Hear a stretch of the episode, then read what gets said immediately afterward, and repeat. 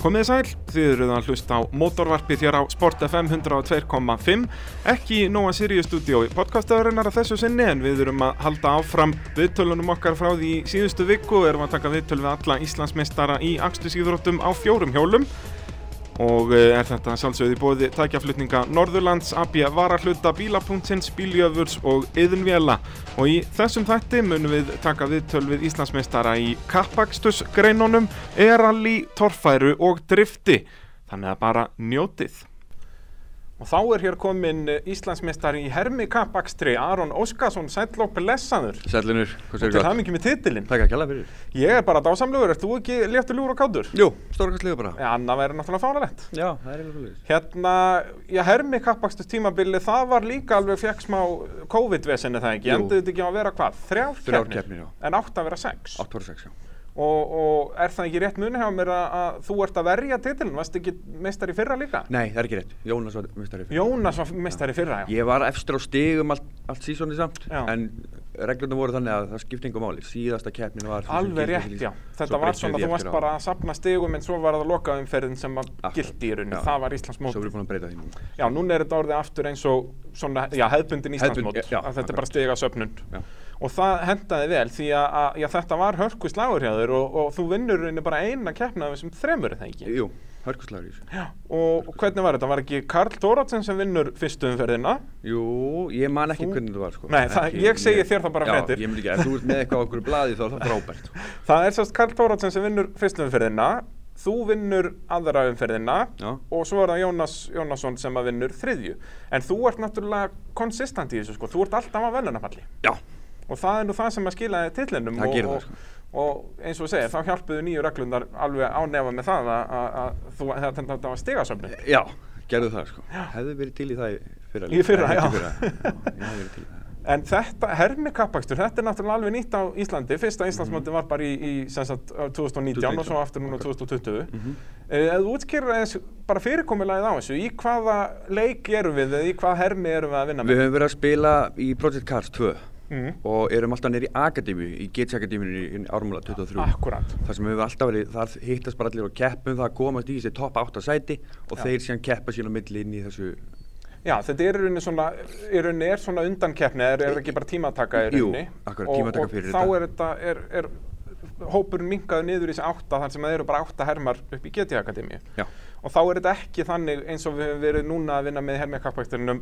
ekki í Íslandsmótinu heldur að allir eru bara heima sem að Akkurat. náttúrulega hendar vel á, á þessum tímum mjög vel á COVID-tímunum sko. Já, en, en í Íslandsmótinu er þetta alltaf þannig að allir eru í hermum niður í GT Akademíu Hinga til allavega Já. og við vonandi náum að breyta því eitthvað því þetta henda betur á allir getum, ég meina sumi búa á Akureyri og það hendar þeim ekkit vel að skjótast í bæin bara til að taka þátt í þessu sko. Já og líka um að gera það var bara að byrja Íslandsmóti núna bara snemma og, og hafa þetta þannig að fólk er bara heima eða Já, flest allir akkurat. hafa það allan að möguleika að vera í GT Akademíunni Að sjálfsögðu, fyrir En- þá sem eiga ekki dót sko, og eiga Akkurat, ekki græður akkurat. eða, eða eiga ekki góðar græður eða eitthvað sko, þannig að og það, það er náttúrulega líka sem fólk er kannski hrætt við sem vilja byrja í þessu að hæ, já ekki nú gott stýri heima og bla bla Já, bla eða en þá getur tölvan alltaf léleg bara eitthvað. fa- já ég segi það, þá getur bara farinir í GT Akademi og eftir þær í rauninni Já, heldur betur sko. og þetta er náttúrulega auðveldasta leðin til að keppa í íslensku mótorsparti og Klár, ódýrasta og langódýrasta, sko, Já. og langmista vesinni og svoleið, sko, alveg klálega, sko, þetta er bara, Já, við segjum samt ódýrasta, sko, við þurfum að að fara svolítið varlega með það, það er ekkert mála eða mjög miklum pening í þessu, það eða er þetta rétt, já. Er það ekki? Þú Það veist er eins og rétt. eitt svona hermir upp í GT Akademi er þetta Já, hann ekki er alveg að- vel rúmlega miljón? Jú, jú, jú, Já. vel er umlega það, sko. Þannig Já, að- jú, jú, það er alveg hægt að fara Það er all hægt að out eyða miklu, en og fara það er í líka hægt að tómvixl eyða með mjög þetta, litlu. sko. Já, það er alveg að finna stýri bara sem kostar 150 skall og Já. 200 skall og 300 skall og, Akkurat. en það er hægt að finna líka fyrir 60 skall og 30 skall og, þú veist, Já, þannig er þá að- ekki líka einmitt kjörið að vera kannski með heima bara stýri sem er hann að já, kostar 50-100 ásum kall Jú. og til að fá svona smá tötsi fyrir þessu en svo fara í Líka- GT Akademiuna og vera í alvöru stöfinu þar í keppnunum. Það er ekkert sem að er betra en track time, skilja, að vera Já. á brautin og keira mikið, það er það sem að gefa manni reynsluna á, þú veist, eins og við vitum bara öll, það er bara því meira sem maður gerir eitthvað því betri verður maður í, því, sko.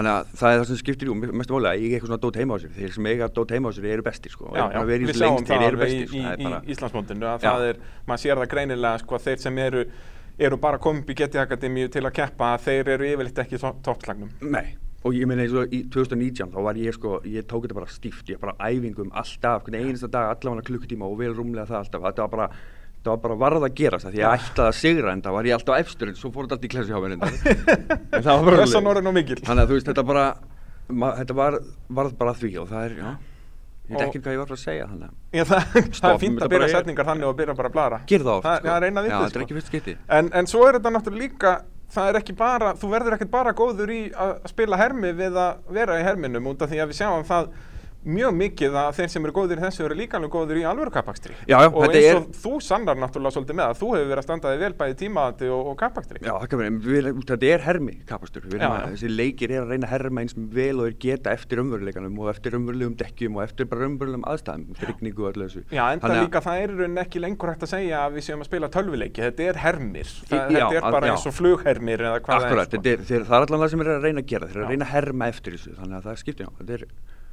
þetta er mikil kennsla í því að keira bara bíl og við fundum alveg fyrir því þegar við vorum að taka tímaðið að það hjálpaði okkur að halda okkur heitum að vera all, allan veturinn í þessu og koma svo bara strax inn á braut og leið maður bara eins og maður vissi alltaf hvert maður var að fara og hvernig þetta virkaði bara, úst, maður þurfti ekki að læra aftur hvernig bílinn var að hegða sér á ákveðnum tímpum, þetta var bara einhvern veginn ennþá í manni sko. Akkurat, akkurat. þannig að það skiptir miklu máli sko. Uh, segjum sem svo að ykkur er að hlusta núna og langar að byrja í hermikappakstri. Hver er svona besta og, og ekki mjög kostnaða sem leið? Þú veist, hvaða hermi á maður að vera í? Er þetta Gran Turismo eða...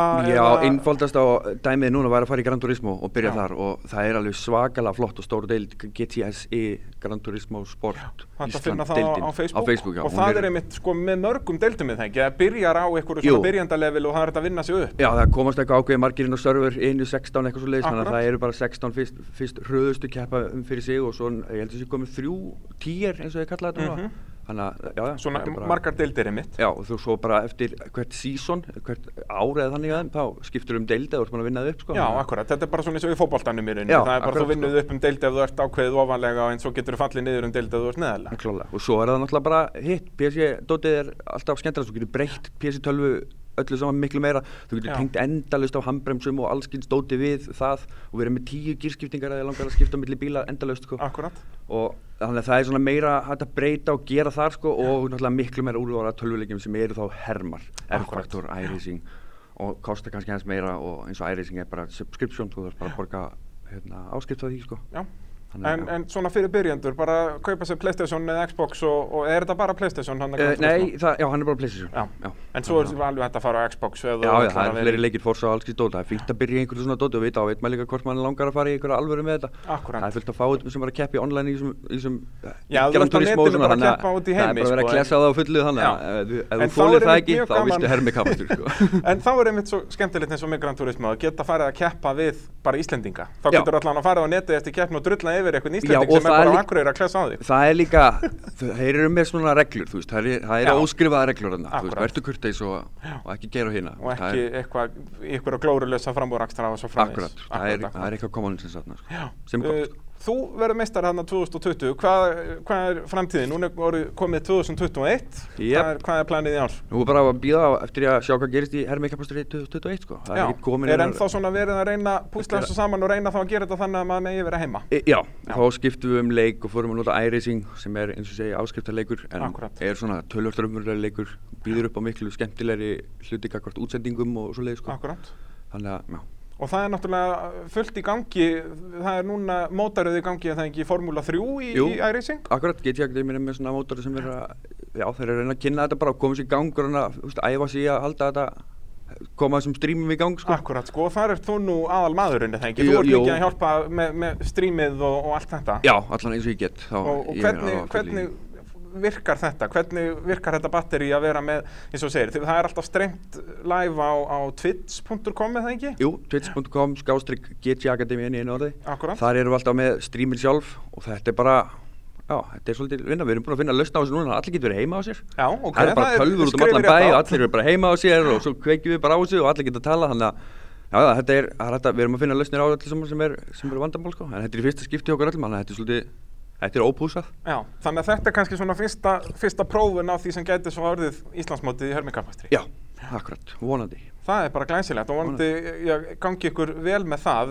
Er eitthvað planu með, með alvöru kappakstur hjá hjá þér Aron? Ekki nema bara að fylgja honum Viktori eftir, ég ætla bara að fókusa á þessa hérna hluti og vinna mína og hérna Viktor er náttúrulega fullu hérna í Formula 1000. Já, liðsfélagið minn, hann er á fullu því, svo fórum við þúsund kappistri, þannig að ég ætla bara að hjálpa hann við því og, og keira allt smá áfram bara, hafa gaman að því. Eina vitið. Vonandi vinnur hann næst, við erum að klára að smíða bíl samt en, en þú veist, það er stefnan allavega. Það er stefnan, nákvæmlega. Heyrðu, bara til hamingi með titilinn Takk og, virkilega. og við sjáum oss bara í sumar. Sumleðis. Þið eru að hlusta á mótorvarpið í bóði tækjaflutninga Norðurlands. Ef það þarf að flytja bíla, stóra sem smáa, eða, eða báta, vinnuvélar eða bara hvað sem er, að þá sjá tækjaflutninga Norðurlands um að flytja það um allt land.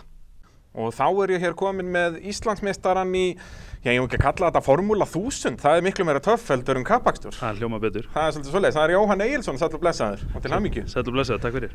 Það er nú, þetta er ekki fyrsta skiptið við tölum saman í mikrofón Nei, ég kom til henni í podcastið þitt. og hérna, það er alltaf gaman að tala um hlutina tvisvar en það Já. náttúrulega var það ekki fyrir síðustu keppnina sem við vorum að tala saman Jú, Mig það voru, minnir það. það voru tvær búnar og einn eftir. Tvær búnar og, og einn eftir uh, náðum að halda þarna þrjár keppnir í þessari Formúlu 1000 og þetta er náttúrulega alveg nýtt á Íslandi við höfum aldrei keppt í, hefum ekki orðað það, alvöru kappakstur Jú, jú, þetta hefur verið svona annarkvort eitthvað endurance eða, eða tíma at eða eitthvað svo leiðis nákvæmlega, svona alvöru kappastur á Malbyggi. Já, þar sem að það eru bara tímatökur morgunin og svo eru ræsa bílar saman á ráslínu fyrir kefni. Nákvæmlega.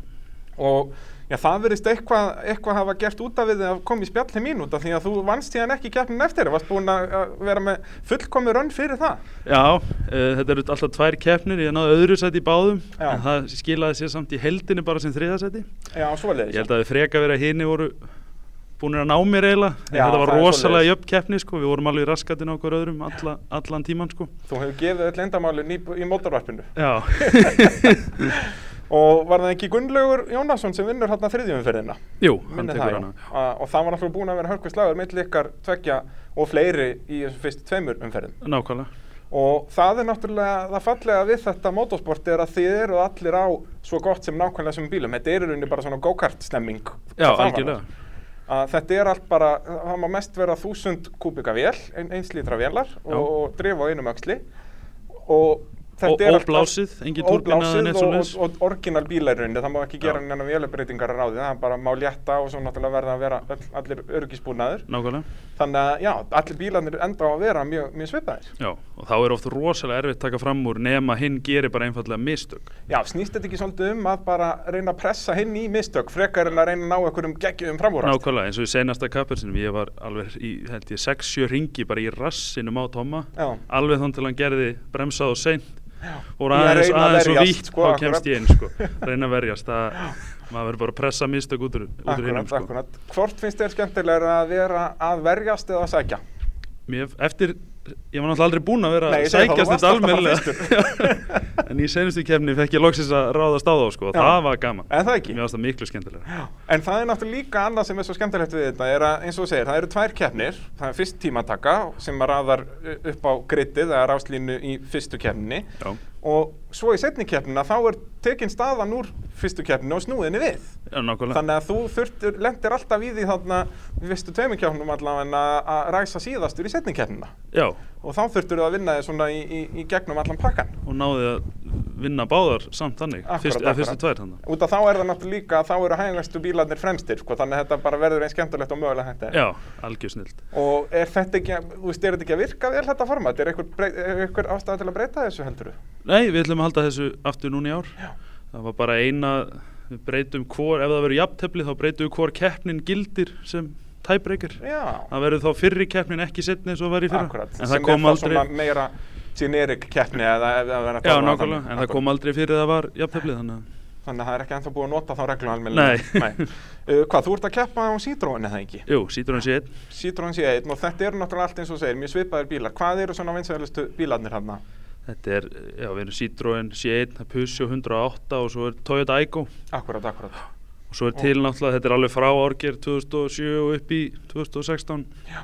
Og það kom mér mjög skemmtilega óvart þegar ég sá fyrstu keppninni í þessu er að það voru þarna þú og, og fleiri mættir með bíla sem voru bara sérstaklega smíðaðir í þetta. Ég bjóst fyrst við að við myndum bara sjá fullt af ónýtum rallycross bílum að fylla þetta en Já, þarna já. voru bara komni fullt af flottum kapastusbílum. Já, ég, ég vildi gera þetta almennilega, Já, bara að fara alla leið. og það skilaði sér líki tilli Já. þannig að það er, það er nú oft sagt í motorsporti að, að, að það er sigurarnir, eru- eða svona 70% af sigurarnir kemur fyrir keppni, Jú, jú, þetta er allt undirbúningur og stundu peningar. já, Reyndar erfitt að vinna með peningum í þessu. undirbúningur og peningar er oft sami hluturinn sko, Já, en já. það er líka eins og þú segir, erfitt að vinna með peningum aðna og þú getur ekki eitt peningnum ná neinum stöðum að viti Nei, nei. það er bara, en hvað, þið megi vera á slikku með það ekki Nei, það eru bara götu gödudekk, Já. 220 trettver dekk. Akkurat. sem eru bara, já, sumadekk svona þannig, sport sumadekk ykkur. Uh, en allar keppnar voru á braut kvartmjöluklubsins eða ekki? Jú, Þannig að, en það var planið að það ekki halda eina í, hjá AIH? jú, Eða, var það, eða er hún- það bara núna? Núna er eina af dasgráið það ekki fyrir 2021? já, það var einn á dagskrá líka hjá IH en uh, hún fjall út af COVID Akkurat, en nú er hann, uh, hún var líka átti líka að vera byggamóti fyrir það já, akkurat. en ég held að hún sem er hjá IH í ár eigi að vera í- Íslandsmeistaramót Já. Og hérna, svo náttúrulega væri hægt að fara norður líka ef, að- ef okkur langar að stakka ennþá meira við okkur. Já, það það er alveg væri- nógu mikið að malbyggi til að gera braut. það væri draumur en það var þetta alveg Íslandsmót En ég segi það sko. Nokkrum það- landshlutum. Já, og maður sér það líka oft í, í, í sem sagt motorsporti, við höfum séð þetta í rally og torfæri og öllum þessum að þar sem er farið að keppa þá verður mikil gróska í keppendum að þá koma keppendur þaðan frá og koma þá í bæin að keppa og, og fara út um allt land sko. nákvæmlega Þannig að það er, uh, þetta allan að býður upp að það, við getum farið norður og, og vonandi verða bara þannig í framtíðin, þetta verður starfa starra. nákvæmlega Uh, veistu, er einhverju sem sagt fleiri pælingar með að þú veist að bæta inn flokkum og, og svoleiðis? En Ívar Örts Márasson var nú henni í spjalli sem er ríkjandi Íslandsmeistar í rally já, og var að tala um að honum langaði að fara að keppa í ringakstri en hann er náttúrulega á uh, sem sagt, tvekja lítra hondu og nóa afli og kapastusfjöðrun og eitthvað. Er, er eitthvað plan að gera þetta stærra? sko við ætlum allavega núna í ár þá ætlum við að leifa smá breytingar á þessum litlu bílum Ok. fjöðrun allavega var svona Já, stærsti er ennþá orginal fjöðrun alveg bara? Já, leifa hérna svona kóluveir og, og dót sko og svo ætlum við að leifa tölvutjún líka Já. Má- mátt tölvutjúnan sem er nú aðalega kannski til að jafna leikin því að sumir af þessum bílum eru takmarkaðir frá versmiði og svona Já, svoleiðis. Með Eru einhverju bara með tölvutjóni, alls konar sko. Bara, já, já. eru 60 hestöfl en svo eru önnu típa af bílum 80 og þú getur bara þá keft hann eða keft hennan og fengið að tölvutjúnu upp í 80 Akkurat. uh, Við erum smá, það var einhver umræðið mitt um einhver svona 2000 flokk og þannig en Það náttúrulega kannski veldur aðeins á bara hvort það séu keppendur og Já, hvort keppi í honum, nákvæmlega, sko. ef þú bæti við svo öðrum flokk að kannski fara bara allir úr þessum upp í hann Já. og þá er hinn bara döður, maður veit það ekki Já, það er náttúrulega, og við hefum séð þetta í mörgum greinum akstuðfjörut, að, að það verður allir svaka spendur og það verður gerðir sjö flokkar og þá erum við með sjö flokka og tvo keppendur í þeim öllum, sko, Já, já. í staðin fyrir að hafa það bara allir í sama flokknum. eins Sem er og nú gerðið mikið smá í skemmtilegra. tímatunum mitt það er Akkurat. rosa, rosa mikið af flokkum Já. þetta fólk sé svolítið vilt, það veit ekki alveg hvaða flokka það fara í Nákvæmlega, nákvæmlega. Uh, Jóhann, þú keftir svo líka í, uh, já, hvað er þetta, nákvæmnis akstur rafbíla, heitir þetta það ekki? Jú, Í, það og var- þá er einmitt uh, hann Pétur Vilhelm Jóhannsson kom inn hérna með okkur sem var aðstofaraukumæður hjá þér, Já. samt að blessaða Pétur minn. Já, sætlum við sæður. Uh, þið kannski að, já, Pétur, þú útskýrir kannski aðeins fyrir okkur hvað þetta er. Þetta var sérst partur af, af erallinu, eða það ekki, sem var hér í, í ágúst. Jú, Og, og í hverju felst nákvæmnis akstur rafbíla? það snýst bara um raunverulega að uh, Að keira nákvæmlega gera nákvæmlega, já, þú veist. á rafbíl. Að hluta til að eða sem minnstu, já, ég ætlaði að segja elsniti, en náttúrulega Já, ekki elsniti. minnstu þarna, orku eða Eða sem rafmagni minnstu, eða- minnstu að rafmagninu, sko. Og sem sagt að ná að vera á, sko, ákveðnum punktum á réttum tíma, sem sagt. Já, þetta er svona meðalhraða stemming. já, Svona, í já, rauninni þú raunverulega. Hefur sko. bara ákveðið mikinn tíma til að vera þarna. Já, raunverulega. Og ákveðni bíl voru þið í þessari kefni? Við vorum á hvað, Peugeot 208 208e, eða E, ekki? Jú, 208 er 208, alveg, já. og það er alveg full rafmagsbíl, það er ekki hybrid eitthvað. Nei, það er bara ramspil sko og bara fínastu bíl í verkið sko Er það ekki? Jú, jú Og já, Jóhann, hvernig, hvernig gekk þetta fyrir sig þarna og hver, hvernig kom svona hugmyndin að þessu, keppa í þessu eralli? Eh, Ég er nú búin að hérna þekkja hann Baldin sem við erum að sjá um þetta lengi í gegnum kappastunum og það þannig að og það er búið að halda þetta tvisvar og maður svona aðeins búin að vera með augun á þessu en ég hef nú aldrei hafði mikið áhuga Já, En svo hérna heyrði ég í, í Brimborg um að fá bíl og ákvað bara að skella mér og prófa þetta og þetta kom bara þýlda vort sko. já er það ekki, Já. og sem sagt, við hverju bjóstu, eða komst inn í þetta bara einhvern veginn alveg blindur og, og, og varst ekki að búast við neinu ákveðinu eða svona hvernig kom þér þetta fyrir sjónir? Já, ég náttúrulega vissi hún ekkert hvað ég var að koma mér út í. Nei. Ég ringdi held í fimmsunum í baldin að spurja hann um hvað þetta snerist og hvað ég ætti að gera í þessu. Svo fórum við því á Pétur og leiðar skoðum. Já, það mátti það sérst og er, hvað, voruð þið með sem sagt, leiðanótur eins og í rallinu eða var þetta meira kannski bara svona leiðarbók eða Þetta eru í raun bara alveg leiðanótur eiginlega alveg eins og Ok. okay. vinnur rally án þess að kæfti í rally Já. en, en þetta á að vera þannig. Bara En- leiðarlýsing? Já, Já. og við skoðum þetta og æfiðum okkur aðeins og þá svona náðum tökum á þessu og svo kom þetta hægt og hægt og okkur tókst með þess að vinna eina sérlið eina sérleðina, já. og að vinna útlendingana markvöld Íslands, eh, heimsmeistaranna Heimsmeistarann, já, nákvæmlega, tókum það í bakaríð bara. Já. Og hvaða leið var kerð þarna? Þetta voru náttúrulega, var, var þetta tveggja dagakeppni, þryggja dag? tveggja daga Tveggja dagakeppni. nei, ja, þrygg já, þryggja daga já. Þryggja daga, sa- salurinn segir Já. því. og hérna, í, í rjóma blíðu þarna í ágúst. Jú, jú. Og, og hvaða leið var kerð þarna? Var, þetta var allt malbygg, eða ekki? nei, það var nú Nú. alveg alveg hérna, möl hana ég er svo lélur í landafræði, mannst þú Já, hann var aðstofið. Já. Ef hann veit það ekki, þá erum við í strömmumálum. Sko þetta var hérna á Suðurlandinu sko, þarna framhjá Vóum Vasluströnd og Blá Lónin og svona, þannig að heldur fínt fyrir útlendingana. að Já, fá það sjá ekki, eitthvað. að fá hérna bara bláa Já, já. lóni beint í æð og ég veit ekki hvað og hvað. Síðan var þetta sko kringu þingvelli á þar og uh, inn að Grímsnesi og... Var það þá annar dagurinn þar að eh, fara upp í land? Já, ég held að fyrstu dagurinn hafi bara verið sem sagt Svona Reykjanes. Suðunessin, já, og síðan var annar dagurinn svona hérna svolítið í kringu Selfoss og Grímsnes og síðan endur við hérna inn í sem sagt Kvalfyrði og, og Já. hérna í... Þetta er bara svona mjög svipað og rally Reykjavík hefur verið sett upp undanferðan ár. Já, sennilega sko. Og, þú veist, var þetta, var þetta skemmtilega en þið helduð? Já, ég myndi klárlega að segja að þetta hafi verið skemmtilega en við heldum sko. Já, ég, þetta sko, ég verð alveg að viðurkenna, sko, nákvæmnisakstur afbíla á pappír Já. hljómar ekki skemmtilegt, En sko. það reyndu við Jói í, í mesta magni að kalla þetta eitthvað annað Já, heldur en ekki, bara við erum að fara að kempa í rally, þú veist, það hljómar miklu Já, betur. hljóma miklu betur sko. En það reynda sko, eins og maður spurði sko, já, hvað varst það eiginlega að gera? Já, ég voru að keppa í ra- e-rally. Varst að keppa í rally? Já, ok, geggja, Geggjað, já. maður. Og hvernig virkar þetta? Já, þetta er svona, þú veist, þú ert með svona punta og þetta keira eins nákvæmt og þú getur og þá er alveg, já, ok, já, geggja. Frábært þú þér, skilurðu. En þetta er náttúrulega En, mjög ódýr og skemmtileg leið til að byrja í motorsportið, Já, eða ekki? já, algjörlega. þetta var Út af mjög- þetta er bara, mjög þú getur skemmtilegt. verið á óbreyttum gott, þú þarft ekki um veltibúrið en eitt svoleiðis en það. Nei, nei, nei, nei ekkert svoleiðis. sko. Þannig að þú mæti bara þarna á fjölskyldubílum. Þetta er einhvern mjög svipað bara þegar rally byrjaði á Íslandi hérna 1975, að menn komum bara á fjölskyldubílunum og, og fara að kemja rally. Já, s- sennilega sko. Það er bara svoleiðis. Þetta er bara nákvæmlega þannig sko og, og náttúrulega bara allir sem getur tekið þátt þú þarft enga ákveðna reynslaður um ferði þetta það er bara símiðinn og og geta verið með sko GPS-tengdan og eitthvað svoleiðis sko. Þetta er Og, ekki bara, flóknara en og það þurfa að vera tveir, þarfst að draga einhvern Já. félagaðin með þér í Já, þetta. Já, já, það Og- var lítið mál. Ég held að Jóa ringt í mig bara nokkra daga fyrir kemni eða eitthvað og spurst hvort ég vildi taka þátt sko. Og þannig að- hefur vantarlega selt þér þetta þannig að heyrðu, við erum að fara að keppi rally. Eh, Já, var hann beint bara, við erum að fara að keppi nákvæmnis ekstri. nei, sko, ég seldi honum þetta með að segja honum að hann gæti orðið heimsmeistari Já, að sjálfsögðu, já, bara bing, bara boom. að því að sko, hefðu við náð fyrir einhverja líkur að vinna þessa keppni og svo hefðu öllum hinum keppnunum verið frestað Já, Í heiminum, og sem er sko. náttúrulega bara mjög líklegt Já. með ástandið í heiminum í dag. þá hefðu við mögulega getað farið og tekið við byggarnir með Lewis Hamilton sko. Já, ég ég skortast með honum bara hérna Það til var Monaco eða sölupunkturinn, eitthvað. sko. Þetta getur ekki klikkað sko Ha? uh, Jóhann, hvernig er eh, framtíðin á þér? Núna er náttúrulega 2021 uh, gengið í garð uh, tekur ekki, verður ekki að verja titilinn í, í, í Formula 1000 Jú, það er stefnan það gengur ekki annað það er bara, Og- maður er aðeins byrjar að undir, eða að fara undir bóbílinn maður er að fara að panta í hann, fjöðrun og svona eins og er leifilegt núna og hvað, þetta verður að fjóra keppnir í árið það ekki?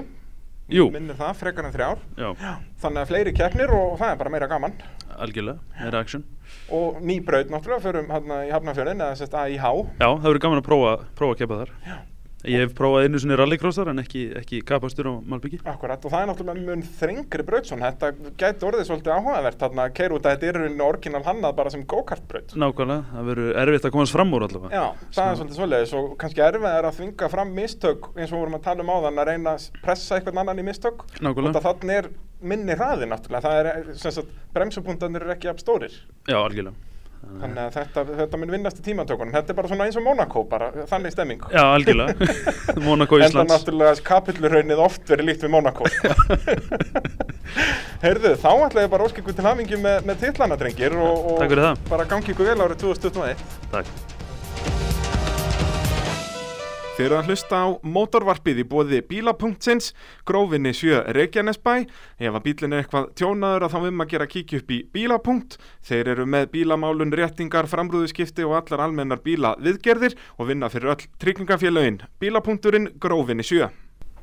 Og þá eru hér komnar eh, systurnar Rebekka Helga og auður Margrét Pálstættur. Þeir voru í þriðja sæti í eralinu í sumar. Til Eh, hamingi með það. Takk fyrir. Og hvað þetta var semst heimsmeistaramót Þannig að- að þetta er þriðja sæti í, í heimsmeistaramóti eða sérst í umferð í heimsmeistaramóti eða það er ekki svo leiðis. Réttar sagt þá vorum við öðru seti í umferðinni. Já, það er svo leiðis, en Já. endi svo í þriðja sæti í mótaröðinni. Já, af því að það voru tvær aðra keppni sem við mættum ekki í Já. og fjallum við niður í þriðasæti. Já, en var það eitthvað tíman á stefnusgráni að reyna að fara eitthvað út og, og gera eitthvað meir úr þessu eða? Það var alveg hugmynd sko Já. og við rættum það, klálega.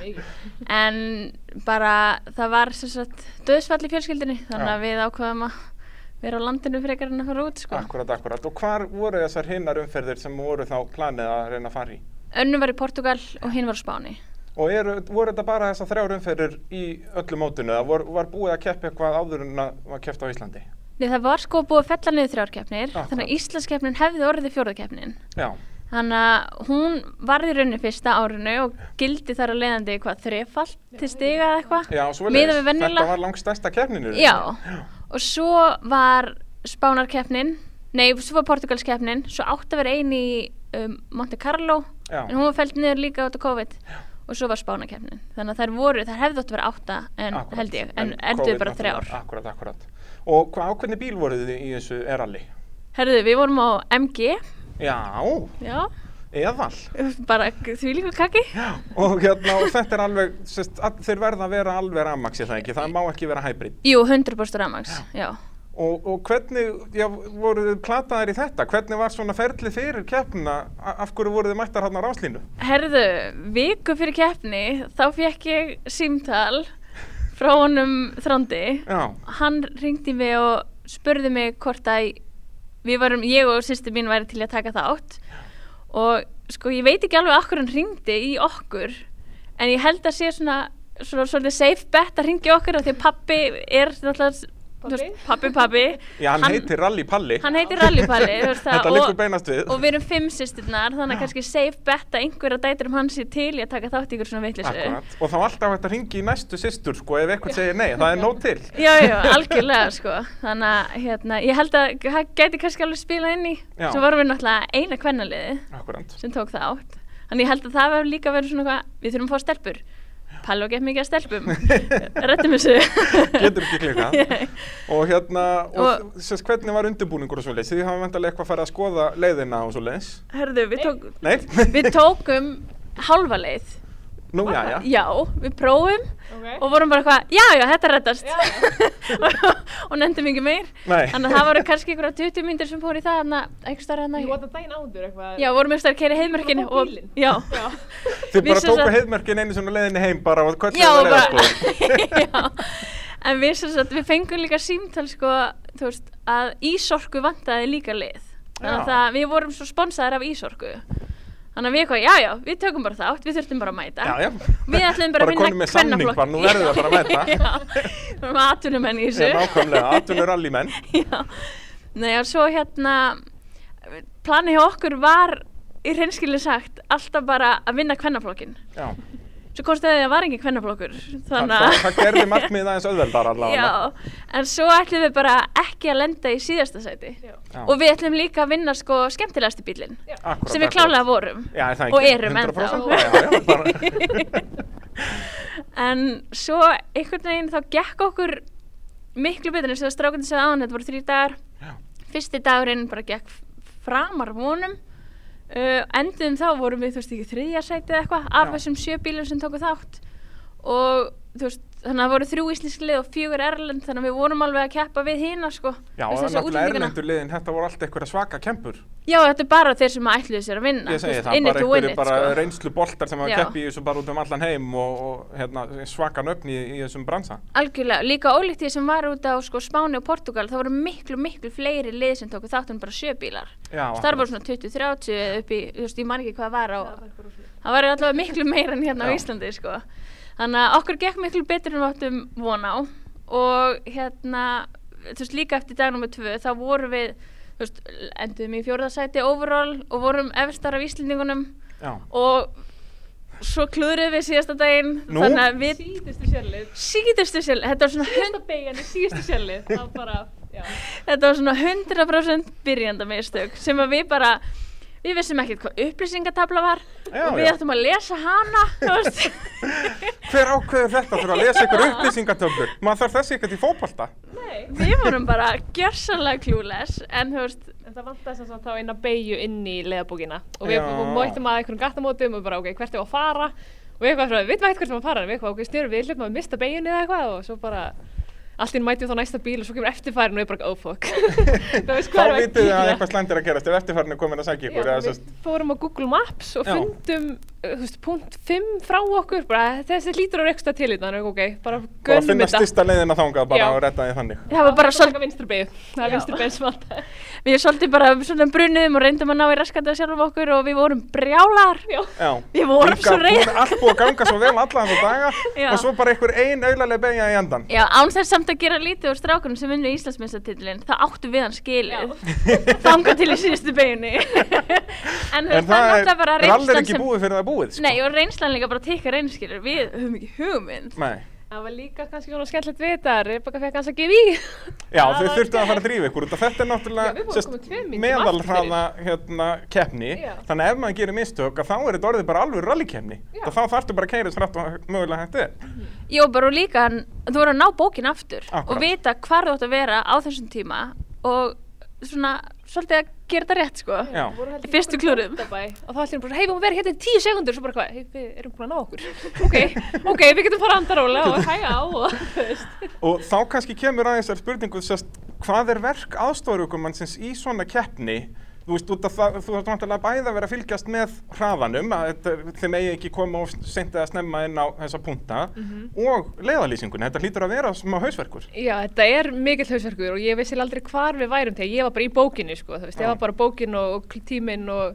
við reyndar, það var það þannig að Rebeka sá um hraðan svolítið sjálf Já. við vorum með bæði, vorum, nei, við vorum bara með eitt síma og hún hafði hann bara svona rétti á stýru og hún sá alltaf meðalhraðan sinn Akkurat. og svo bara voru búin að reikna út nákvæmlega hverja beigju og hvert skildi, þú veist, hvert punkt í bókinni, bara hvað klukkan átt að vera þegar við áttum að vera þarna.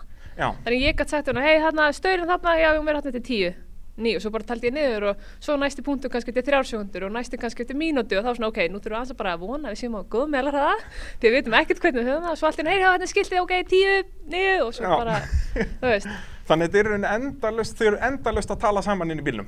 Já, konstantli, Já. sko. Og það er líka, sko, það sem að hjálpaði okkur ekki var að það er mjög lélegt GPS-samband þarna hjá hengli. Já, og er við það vorum ekki líka bara að svona almennt treysta. á Íslandi í rauninni, er, er þetta aðalega á svona nokkrum En svo, stöðum? þú veist, það slapp alveg til þegar við vorum í Reykjavík, tókum áltanesi, fórum kannski á Blálónin og þar. Já. En um leið og vorum eitthvað á Nesjöllum eða hengli eða eitthvað þar, þá, þú veist, fór síminn svolítið að klikka. Ah. Af því hann var ekki að taka nákvæmum GPS-punkt.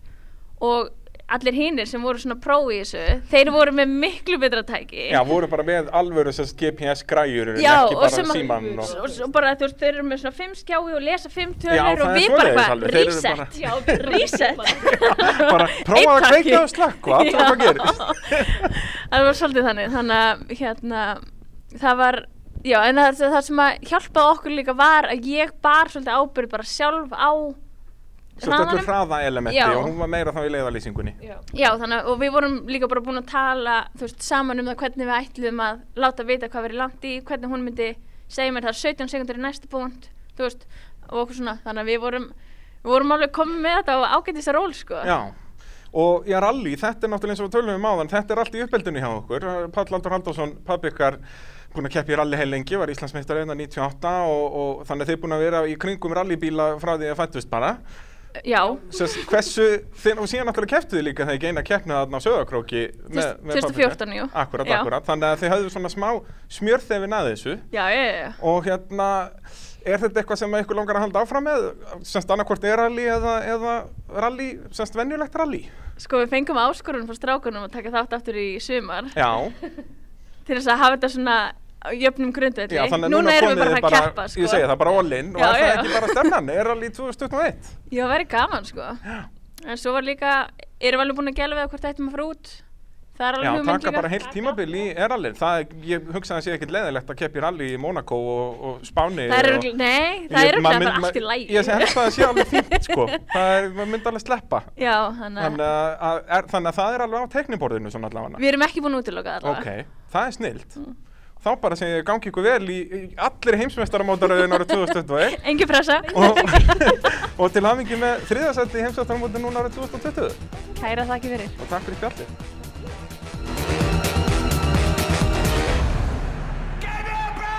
Þið eru að hlusta á mótorvarpið í bóði bíljöfurs, frábært bifræða vestæði á smiðjuvegi 34 gulgata og þeir eh, gera við alla bíla bæði stóra sem smáa þannig að ef að eitthvað er í vandræði með bílinn þá endilega kíkja upp í bíljöfur.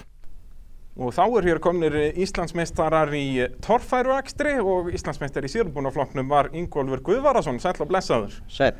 Og uh, í gautibílaflokknum verða svo Stengrimur Bjarnason, uh, sæll og blessaður. Og Komdu sæl, til hamingju með þessa titladrengi mínir. takk fyrir það. Uh, Stengrimur, ef við byrjum þá kannski á, á þér, uh, þetta tímbil gekk bara alveg eins og við sögum eða ekki? Bara frábælega, Eða ekki? algjörlega, bara í alla staði. Við náttúrulega lendum í, í því eins og aðrar greinar að, að þurfa að fækka keppnum, en þetta endaði bara í fjórum torfærukeppnum, eða ekki? Jú, jú, sem betur við náðust það þó. Já, þannig að Íslandsmóti gilt alveg svo leis, það þurfti Já. nú bara þrjár í það held ég, þannig að Jú, við jú. náðum, náðum einni viðbót Já, já. og náðum að fara á nýja staði, fórum í Hafnafjörðin, endum tímabilið þar. Það var bara frábært að fá nýtt plás. Er það ekki? Nei, við tökum allir svona fjölbreytni bara með opnum örmum Algjörlega, algjörlega. og en svo voru náttúrulega tvær keppnir á, á Akureyri, þarna um mitt sumarið og, en, en byrjuðum á Egilstöðum, það var ekkert af, af hellukeppninni. Hvernig fannst þér svona, já, að byrja fyrir austan, var þetta, tók þetta þig úr jafnvegi eða eitthvað svo Nei, nei, nei, það gerir það ekki neitt. En hérna, all, ég er gaman að byrja á öðrum stað, það er Já, bara já. frábært, sko. En það er náttúrulega leiðilegt að geta ekki byrja á réttum tíma. Já, það var nú aðalega það, við byrjuðum bara hann hvað, í byrjun júli Já, það er náttúrulega enginn sem stjórnar þessar veiru því miður ennþá. Nei, ekki ennþá, við erum svona að reyna. já, við vonum það reddist fyrir sumari. Já, það er náttúrulega það verður að reddast fyrir sumarið, það Algjörlega, gengur ekkert algjörlega. annað. Svo þetta verður frábært. Og já, þetta er nú ekki alveg þitt fyrsta tímabil í torfærinni, Stengrimur. Nei, svona 2-3, Já, 30. svona 2-3 tímabil sem þú kefti. Hvað, hvenar byrjaði þær að keppa? Er það 1990? 7, 9. júni held ég 1990. Já, þannig að þú ert búin að vera núna í, í 30 ár. Ekki keppu öll árin. Nei, nei, en sem sagt frá, frá fyrstu keppni, en þú hefur nú samt alltaf verið eitthvað í kringumynda, eða ekki? Þú hefur nú Já, sjálf að já. tekið þér alveg frí. Ég hef aldrei tekið mér pásu, sko. Nei, nákvæmlega, sko, sko. Það er hvort- alltaf að maður er að keppandi. Já, og hérna, já, af hverju torfara? Hvað, hvað, er, hvað er það sem laðar torfarar eða sérst, af hverju finnst þér þetta svona skemmtilegt? Það er náttúrulega bara s- ákveðin spenna í þessu sem ég er einhvern veginn hugnast, sko. Já. Og þetta er svona, mér finnst þetta tildur einfalt að keppa í þessu, skilu, það er mi- minni umgjör heldur en í mörgu öðru tildum ralli. Mm Ekki það að ég hef svo sem farið í eitt rall líka, en, en sem aðstór ökumar, en hérna, þetta er allt öðruvísi. Já, já, það er hérna, en hvað, byggist þetta aðalega á jeppadell, þú veist, varstu mikill jeppamaður áður með byrjar í þessu eða, eða þú veist, Ég hvernig haf- kemur inn í þetta? Ég hafði aldrei átt jeppa fyrir en ég eignast hennan, sko. Já, það er svo leiðis, þetta er bara, þú hefur bara áhuga á torfæru, þetta er ekki einhver jeppadella. Nei, nei, nei. Ég nenni ekki fjöll, sko. Nei, það, það geti einhver aðri verið í því. Já, það er bara kalt og fastur og blöyt og það er bara fullt af fólki í því, sko. Já, nákvæmlega, þú nennir því ekki. Nei, ég, ég heillast ekki að það. Ég prófaði það. Já.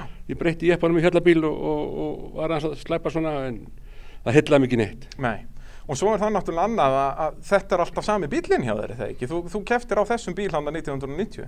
Já, já. Já. Hann var aðeins búin að breytast en ekkert mikið. Já, en s- s- s- er þetta, þú veist, er þetta ennþá sama skuffan og svoleiðis, þess að sami villis bodyið? Já, já. Já, já. En það hefur náttúrulega breyst alveg, það er búið að skipta um veltibúr og, og vél og, og Já, allt nokkrum sinnum, svoleiðis. sko. Nokkurinn sinnum, Já, sko. já. En þetta er ennþá sama grindinn og svona.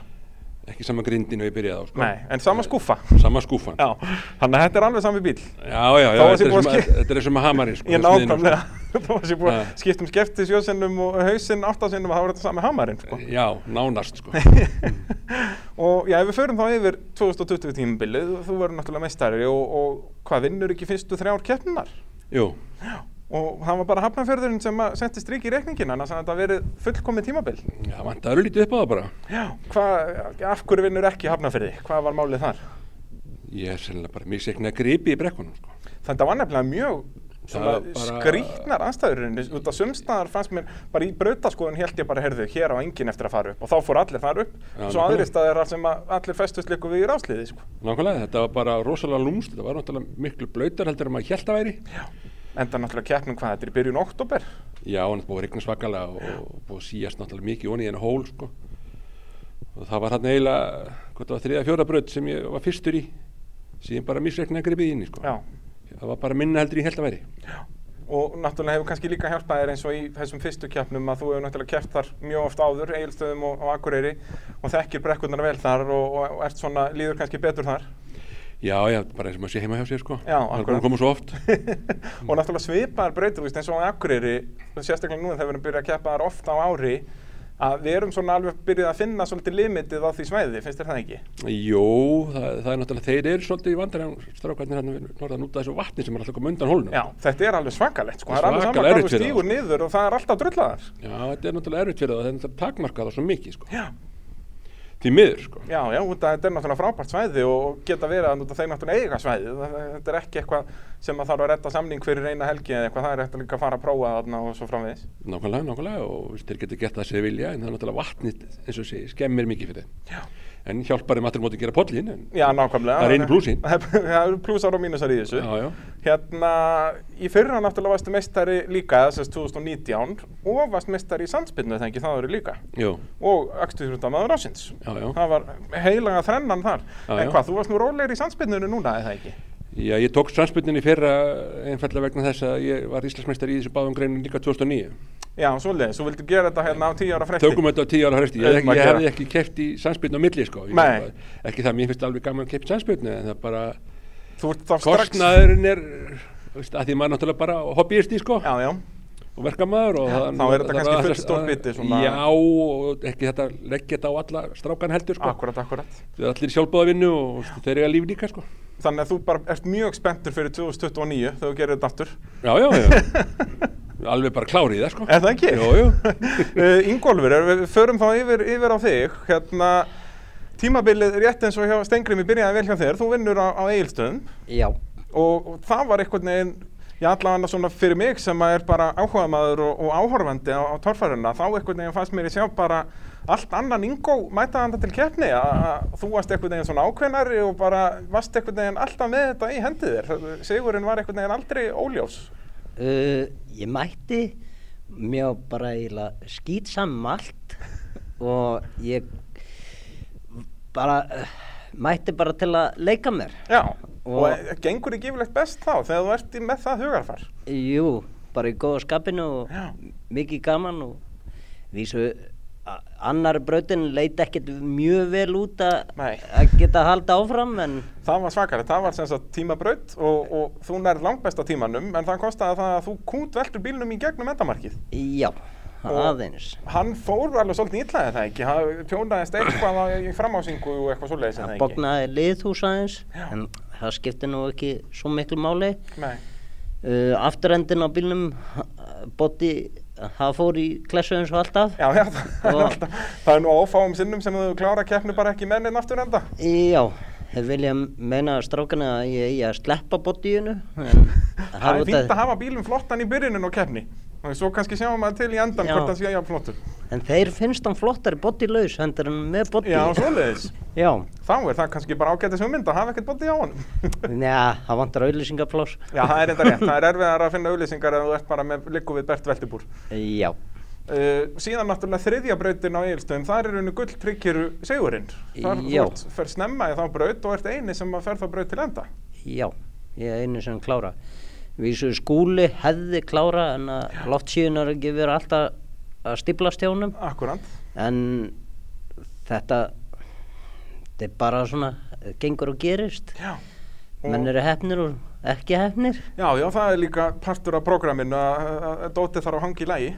Já, Og það hefur nú alveg verið svona í kringum þegar núna síðust ára að bílinn hefur ekkert verið að bila mikið. Það, það Mm. var vissulega vesen á honum enda þegar komið með hann finnst, já en svo er hann bara búin að vera nokkuð þægur núna undanfærin ár. Eina sem bilaði núna þetta sumar í keppni, það var allt andur. Já. Það var allt á sum, þetta ár. S- Og það er nú ekki stóra tjónið. Nei, meiri sé að ég skipta ekki um hann í keppni. Nei, það er svoleiðis, bara hérna, uh, varst bara með nógar afgeimum bara og allir Nei, hendur, hann hlóð, en hlóð ekki mikið, en þetta slapp einhvern veginn. Og hva, í hvaða keppni var þetta? Akkur eru fyrir keppni. Fyrir keppni á Akureyri. Já. Og þar enda, var það ekki þín versta keppni? Varst það Jú. ekki fjórði? Nei, ég var þriði. Varst þriðji þar, já, einmitt. Já. og, og þar varstu bara aðalegi basli í s- stálunum í endan er það ekki, þar, það, þú Jú. kemst ekki upp í nokkrum breytum þar Uh, tveim síðustu brutunum Já.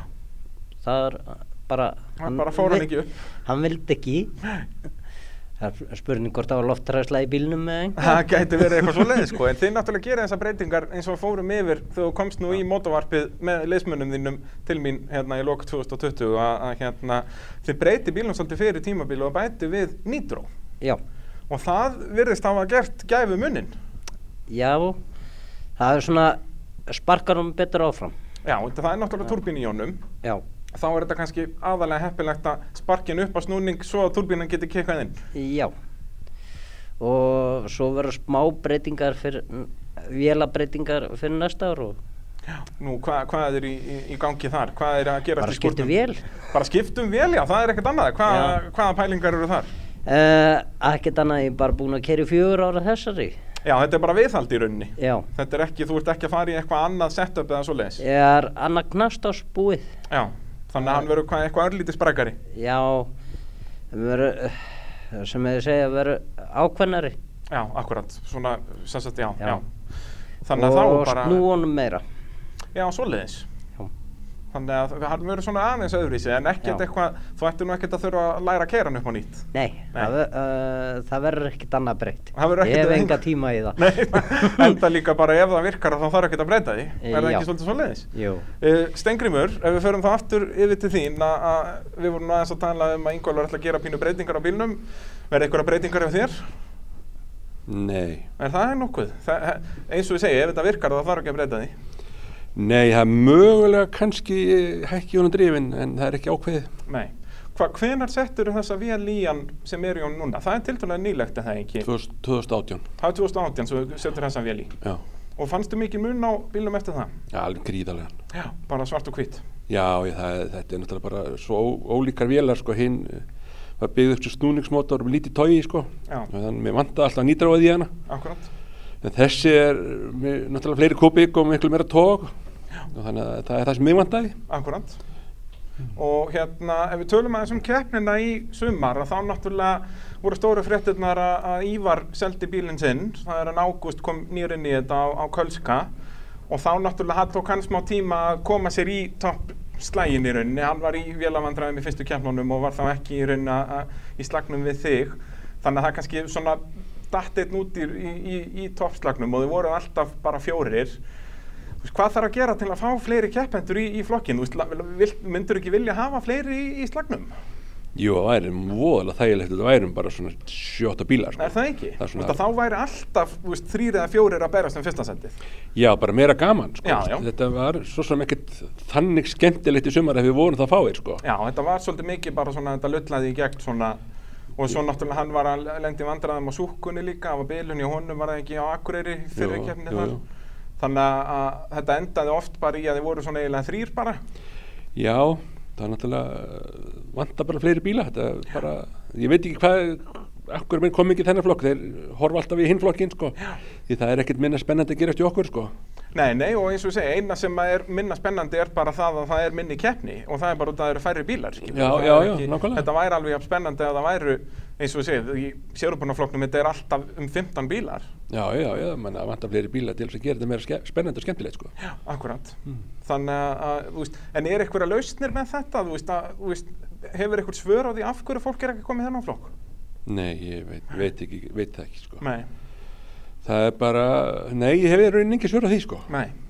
Uh, brautarlagning, það er nú eitt sem er, sem mér sem áhörvenda finnst mjög trikki í, sem er, mér finnst eiginlega erfiðara fyrir þess það sem er að skipilegja keppnirnar að gera áhugavert í gödubílafloknum vegna þess að að þær mega náttúrulega ekki vera oferfiðar, þetta mega ekki vera þessi svakalegu börð eins og við sjáum í, í sérbúnafloknum þó að þessi bíla myndu sennilega alveg komast á röpið þeir fengu nægt tilhlaup að, að þetta verður að vera sest, já, þessi gullni meðalvegur sem að virðist vera svolítið erfitt að finna, finnst mér Þú veist, keppnir eru mjög mismunandi, annarkvort eru flest allar breytir of erfiðar eða, eða of auðveldar.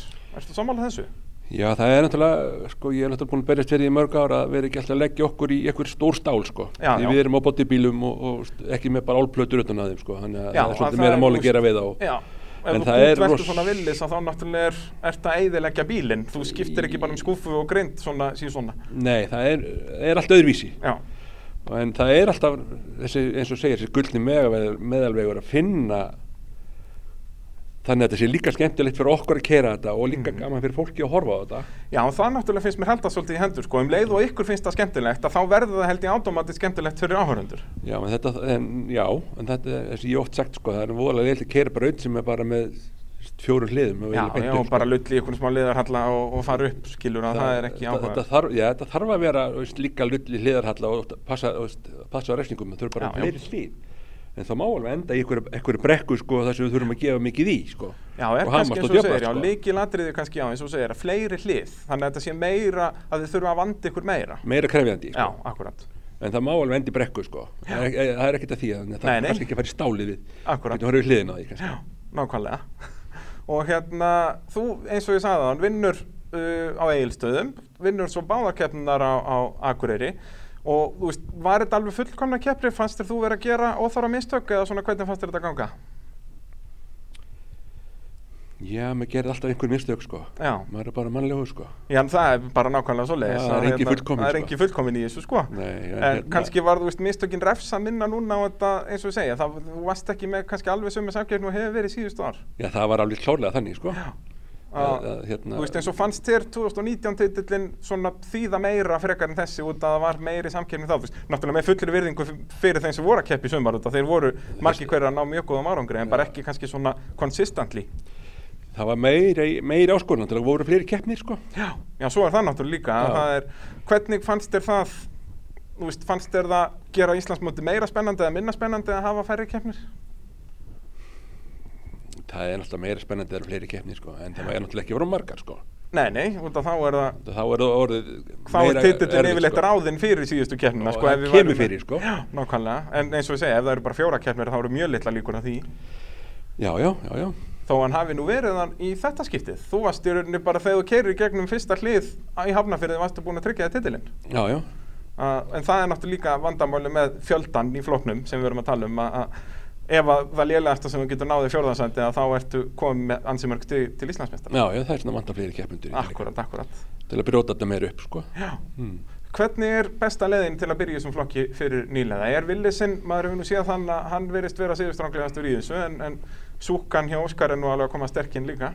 Ég ætla að skipta yngum máli hvað stendur á grillinu á honum bara að bílinn er smíðaður með þetta í huga skil. Akkurat. Það þarf alltaf að smíða bíl í þetta sama, þú veist, þú tekur eiginlega enga bíl á götunni Nei. og ferð að keirir í dag sko. Þeir allir þessi bílar sem eru á götunni er náttúrulega breyttir fjallabílar. Þeir eru bara alltaf öðru sér uppsettir heldur en torfærabílarnir. Sko. Akkurat, sko þeir eru svona, þú vilt hafa hann aðeins lægri og svona, svona nettari á í torfærinni. Já, bara, þú veist, þetta er, þetta er öðru sér bílar en, en þetta sport, eh, og margir horfið í þetta, þetta er dýrt, jú, þetta kostar allt pening, allt sport kostar pening. Já, já, Bara hvernig vilt þú gera það sko? akkurat. Það bara fer alveg nákvæmlega eftir því hvað hugafær þú fer með í þetta. Já, ég held nefnilega mitt akkurat sko með þetta í göttubílaflokkurinn, þú getur vissulega eitt mjög miklum pening í hann en ég held að sko lámarskostnaður verði alltaf mun minni í göttubílaflokki heldur en í sérubúnaflokki þú kemst upp með öðruvísi dót sko. Já, þú getur verið með aðeins veikara dót og hérna ekki það veist. þessi bílar í sérbúnum er líka bara oft með svipaða dót sko, eins og við erum með sko. já allavega kannski svona velbúnað og sko. svo leiðis já já en hérna það er hægt að fara svo marga leiðir í þessu sko. þú þarft ekki að kaupa dýrust í vélinn í bænum sko. Vist, Nei, nei. eftir að leiðu nýtra og þá getur bara verið með sæmilega vél og bara gott nýtra á henni þá bara vinnur hún helling sko, og gerir helling sko. Akkurat, akkurat, það er bara vel byggð 350 vel með góðu nýtrói er alveg samkynnisæð algjörlega, Það er algjörlega, bara svo leiðis algjörlega. Hérna, framtíðin, hvað, er- núna er komið 2021, þú hlýtur að ætla að taka heilt tímabil torfærinni, það ekki?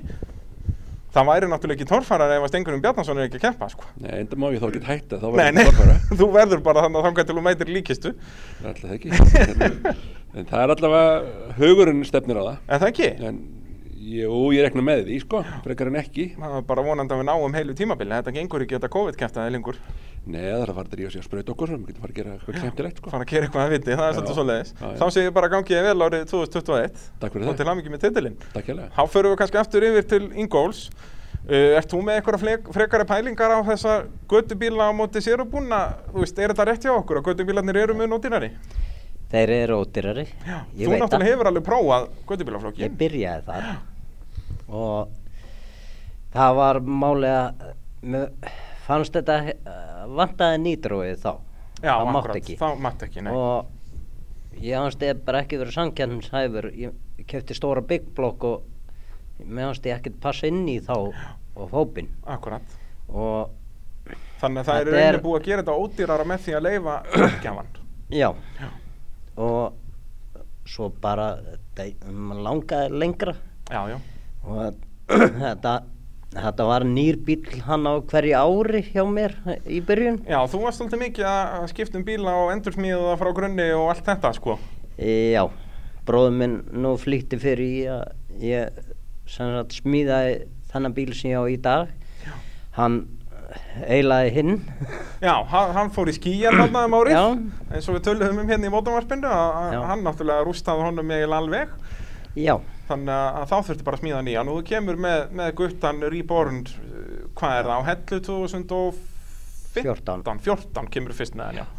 Og, og eins og við töluðum um í- hér í þættinum árið 2020 að það var nú pínum brasa á honum hann að fyrstu árin en svo hefur þetta verið bara nokkuð, nokkuð gott undanferðin ár. já, þetta er eins og maður segir.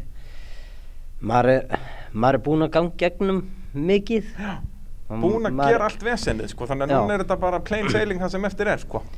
búin að vera tíu ári í þessu og já, og bara, já, það er nákvæmlega stengrimur Og- bara, hann er bara já. piff þannig að Og- þú átt alveg góð 20 ára eftir að mista kosti við skulum orða annað ég, ég maður veit það ekki Nei. ég legg örugla skóna á hilluna einn daginn já, já, það kemur öruglega að því sko, en alls ekki Já, strax en bílum er aldrei farin Nei, það er bara svoleiðis hérna, förum þá aftur til ásins 2020 sem að ég er búið að vera þitt besta ári í, í torfarinni þú nær þarna þriðjansættin á Akureyri fyrirumferðina þá er það skúli sem er bara í algjörum sérflokki þar þrátt fyrir að lenda aftur í pínu vandræði með bílinn var það þá ekki reymin góða á, á Jú.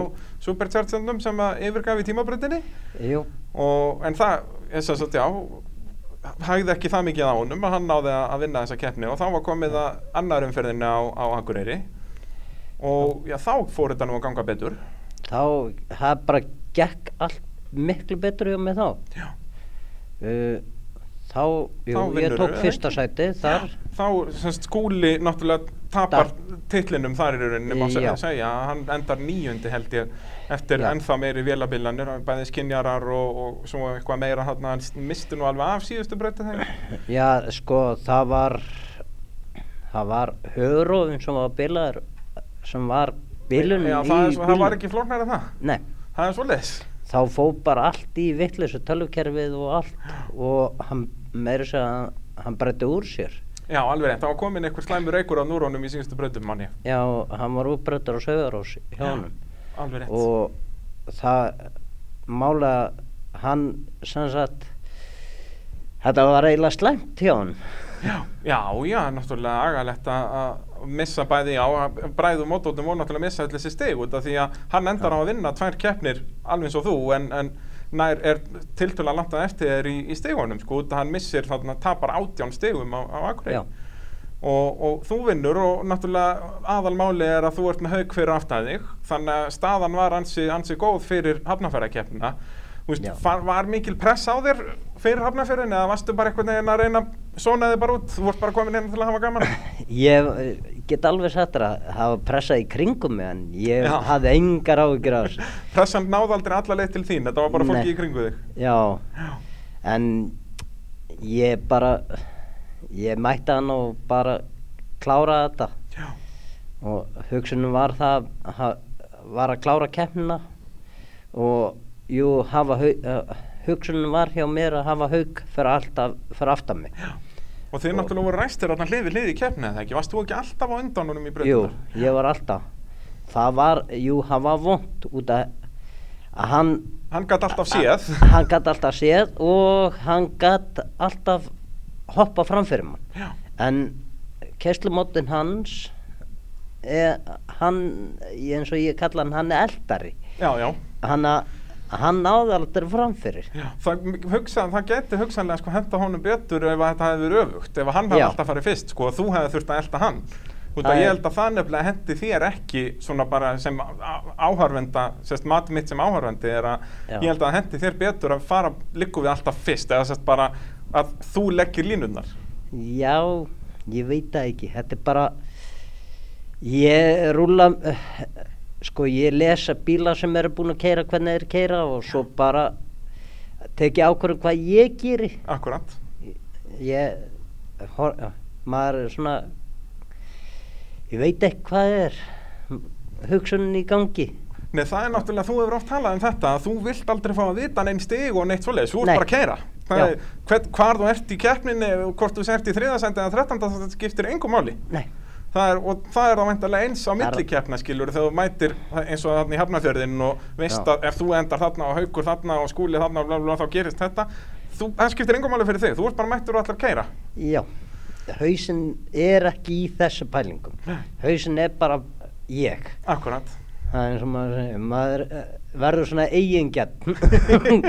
en ég minna það virkaði allavega í ár, það er óvænt að segja það Já, það virkaði og bara, ég veit ekki, þetta sumar var mjög skrítið fyrir Já. mann.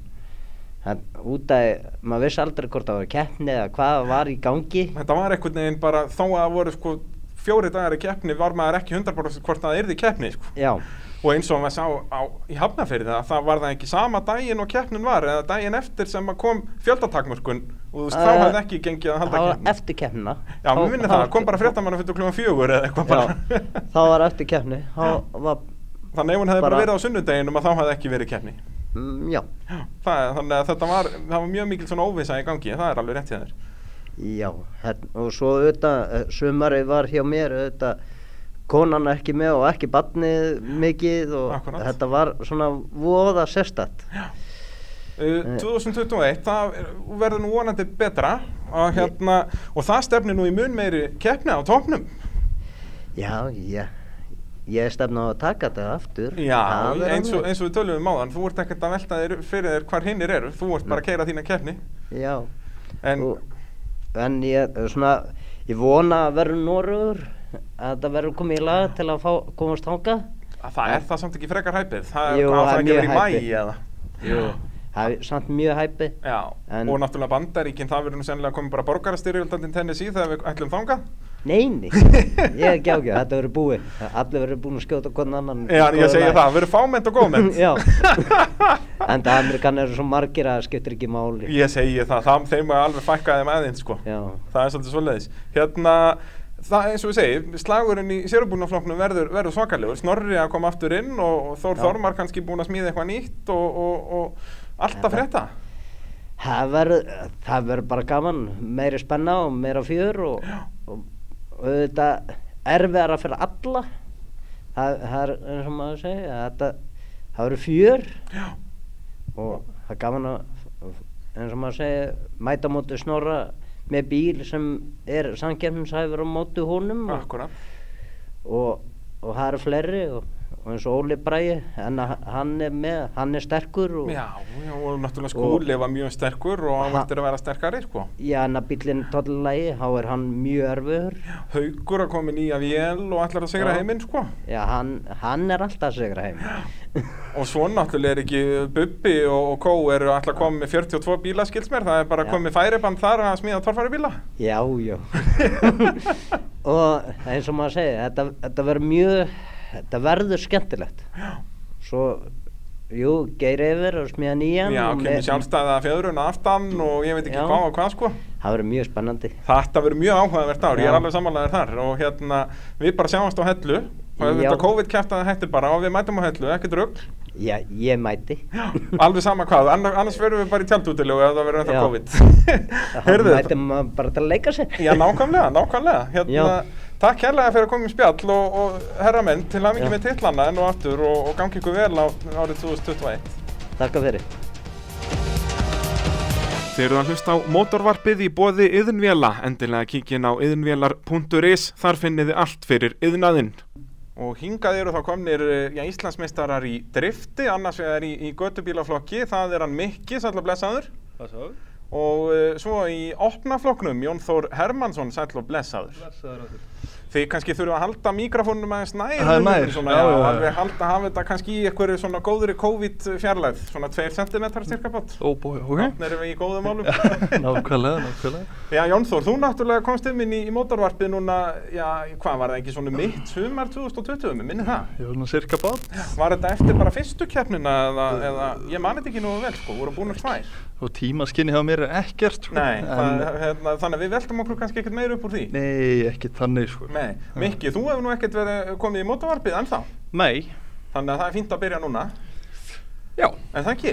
Jú, jú. Það, hérna, þú ert að keppa í sérst götubílaflokknum sem er svona, er það ekki svona milliflokkurinn í driftinu? Jú, passar. Þannig að sérst, þú þarft ekki að vera með veltibúr en mátt gera talsverða breytingar á bílum. Já. Og þannig eru þið ekki að, að sem sagt, tandem drifta, þannig er alltaf bara einn í, einn í einu. Já, stemmir. Og þú ert á, á eðal BMW, er það ekki? Mæ. Það er ekki svoleiðis. Mæ. Á, á hvernig bifræð ertu?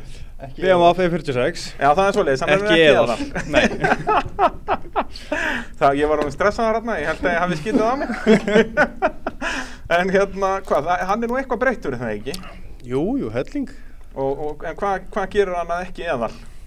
Bara, hefur þú séð bílinn? Já, ég sé einhverja myndir á honum, hann, er, ha- hann myndast vel, Já, í fjarlægð. já ég fjall, hann, hann er fjaskafallegur Já. og ég tala um gummi að maður með lókuð augun líka, þá er hann ennþá fallegri. Ég segi það. En hvað, hvaða breytingar ertu búin að gera á bílum? Já, bílum sjálfum svo sem ekkert mikið, mótorinn er bara 2.5 með öllu þryktu og einhverju kúðun kanna á sér. Þannig að það er nóga afli. Já, jú, í bíli. Væri þessi bíl samkeppnisæfur í opnaflokkinu eða myndir búran? Já, já. Er það ekki? Það er alveg, hann hérna, hefur nægt afl til að vera eins og á- það er nú aðalega á, á brautinni hjá KK og kvartmjöluklubnum þar sem að aflið, já þar sem þú virkilega þarft að hafa meira afl. Já, já, svo á hann líka meira inni, það er bara grýta að næri turbínu á þetta og svona. Já, bara eins og gengur og gerist. Já. Það er ekki, þetta er ekki flókið mál. Nei, Nú, eh, já það var nú hörku slagur í, í þessum göttibílaflokki í sumar. Þú, hvað vinnur fyrstu umferðina eða ekki? Sem var þá á KK-brautin. Þetta endaði náttúrulega bara að vera þrjár keppnir en átt að vera fimm. Já. Og það er, er það ekki þannig í driftun að sest, ef það hefði verið fimm að þá gilda fjórar bestu. Mér minnir að það sé Mm, jú. svo leiðis. Það Sem er er náttúrulega örugglega. sniðut og þá getur maður annarkvæmt sleppt keppni eða átt eina frekar slaka keppni. Já. Þannig að það er heppilegt. Uh, Þannig að þetta var semst fyrstu tvær voru uh, á svæði kvartmjöluklubsins og svo endaði þetta hjá AIH. Og þú vinnur fyrstu umfyrirna, svo var það Jökull Alli Harðarsson sem uh, vinnur keppni 2, hann er náttúrulega fyrir meistari eða það ekki. Stemmir. Var hann í meistari í þessum flokki eða var það í minnugutubílum? Ég manna Í ekki. þessum. Hann var í þessum flokk, já. Já, báðum reyndar. Já, báðum, já, hann er búinn að vinna þetta allt saman. Já, já. Það er bara svo leið. En já, svo tryggir þér titilin í lokaðanferðinni. Hvernig svona, þegar þú horfið tilbaka yfir sömari, hvernig fannst þér þetta ganga svona heilt yfir? Þetta var allt í lagi bara. Já. Svona, smá tilbreytinga að fóra að ganga eitthvað. Já, það- Hvað hva ertu nú búin að vera að keppa lengi núna? Ætli, byrja ekki 2017. Þannig að þetta eru komin hann Svona eina og eina keppni. Fjögur ár, já, akkurat. Og búin að vera dölur um að mæta á æfingar og svo leiðis? Já, já. Svona, eins og maður getur. Akkurat, akkurat. Og en hvað, þegar þú byrjaðir, byrjaðir þá bara með bílinn alveg standard og hefur verið það svona betrum bætan eða byrjaðir á öðrum bíl eða Ég hvernig hefur byrja á E ferillinn verið? E36. Já, það er svo leiðis. Bara 2.5 non-turbo. Já. Svo fór ég í turbínu og það sprakk allt í tætlur. og svo sprakk aftur í tætlur og Já. svo var það eitthvað aðeins inn á milli. Já, það er, er það ekki alltaf góðulegt til lærin á þetta? Að Láta þetta springa svolítið og þá, þá veistu hverju þú þarft að breyta? Það mætti alveg sleppa að sprengja þetta sko. það væri kannski ódýrara. Já. Já. ég báðið sammála því, sko. Já. og hérna já það voru allavega teknar svolítið áhuga að vera myndir af þér hérna í, í síðustumferðinu, er það ekki rétt hjá mér? Jó.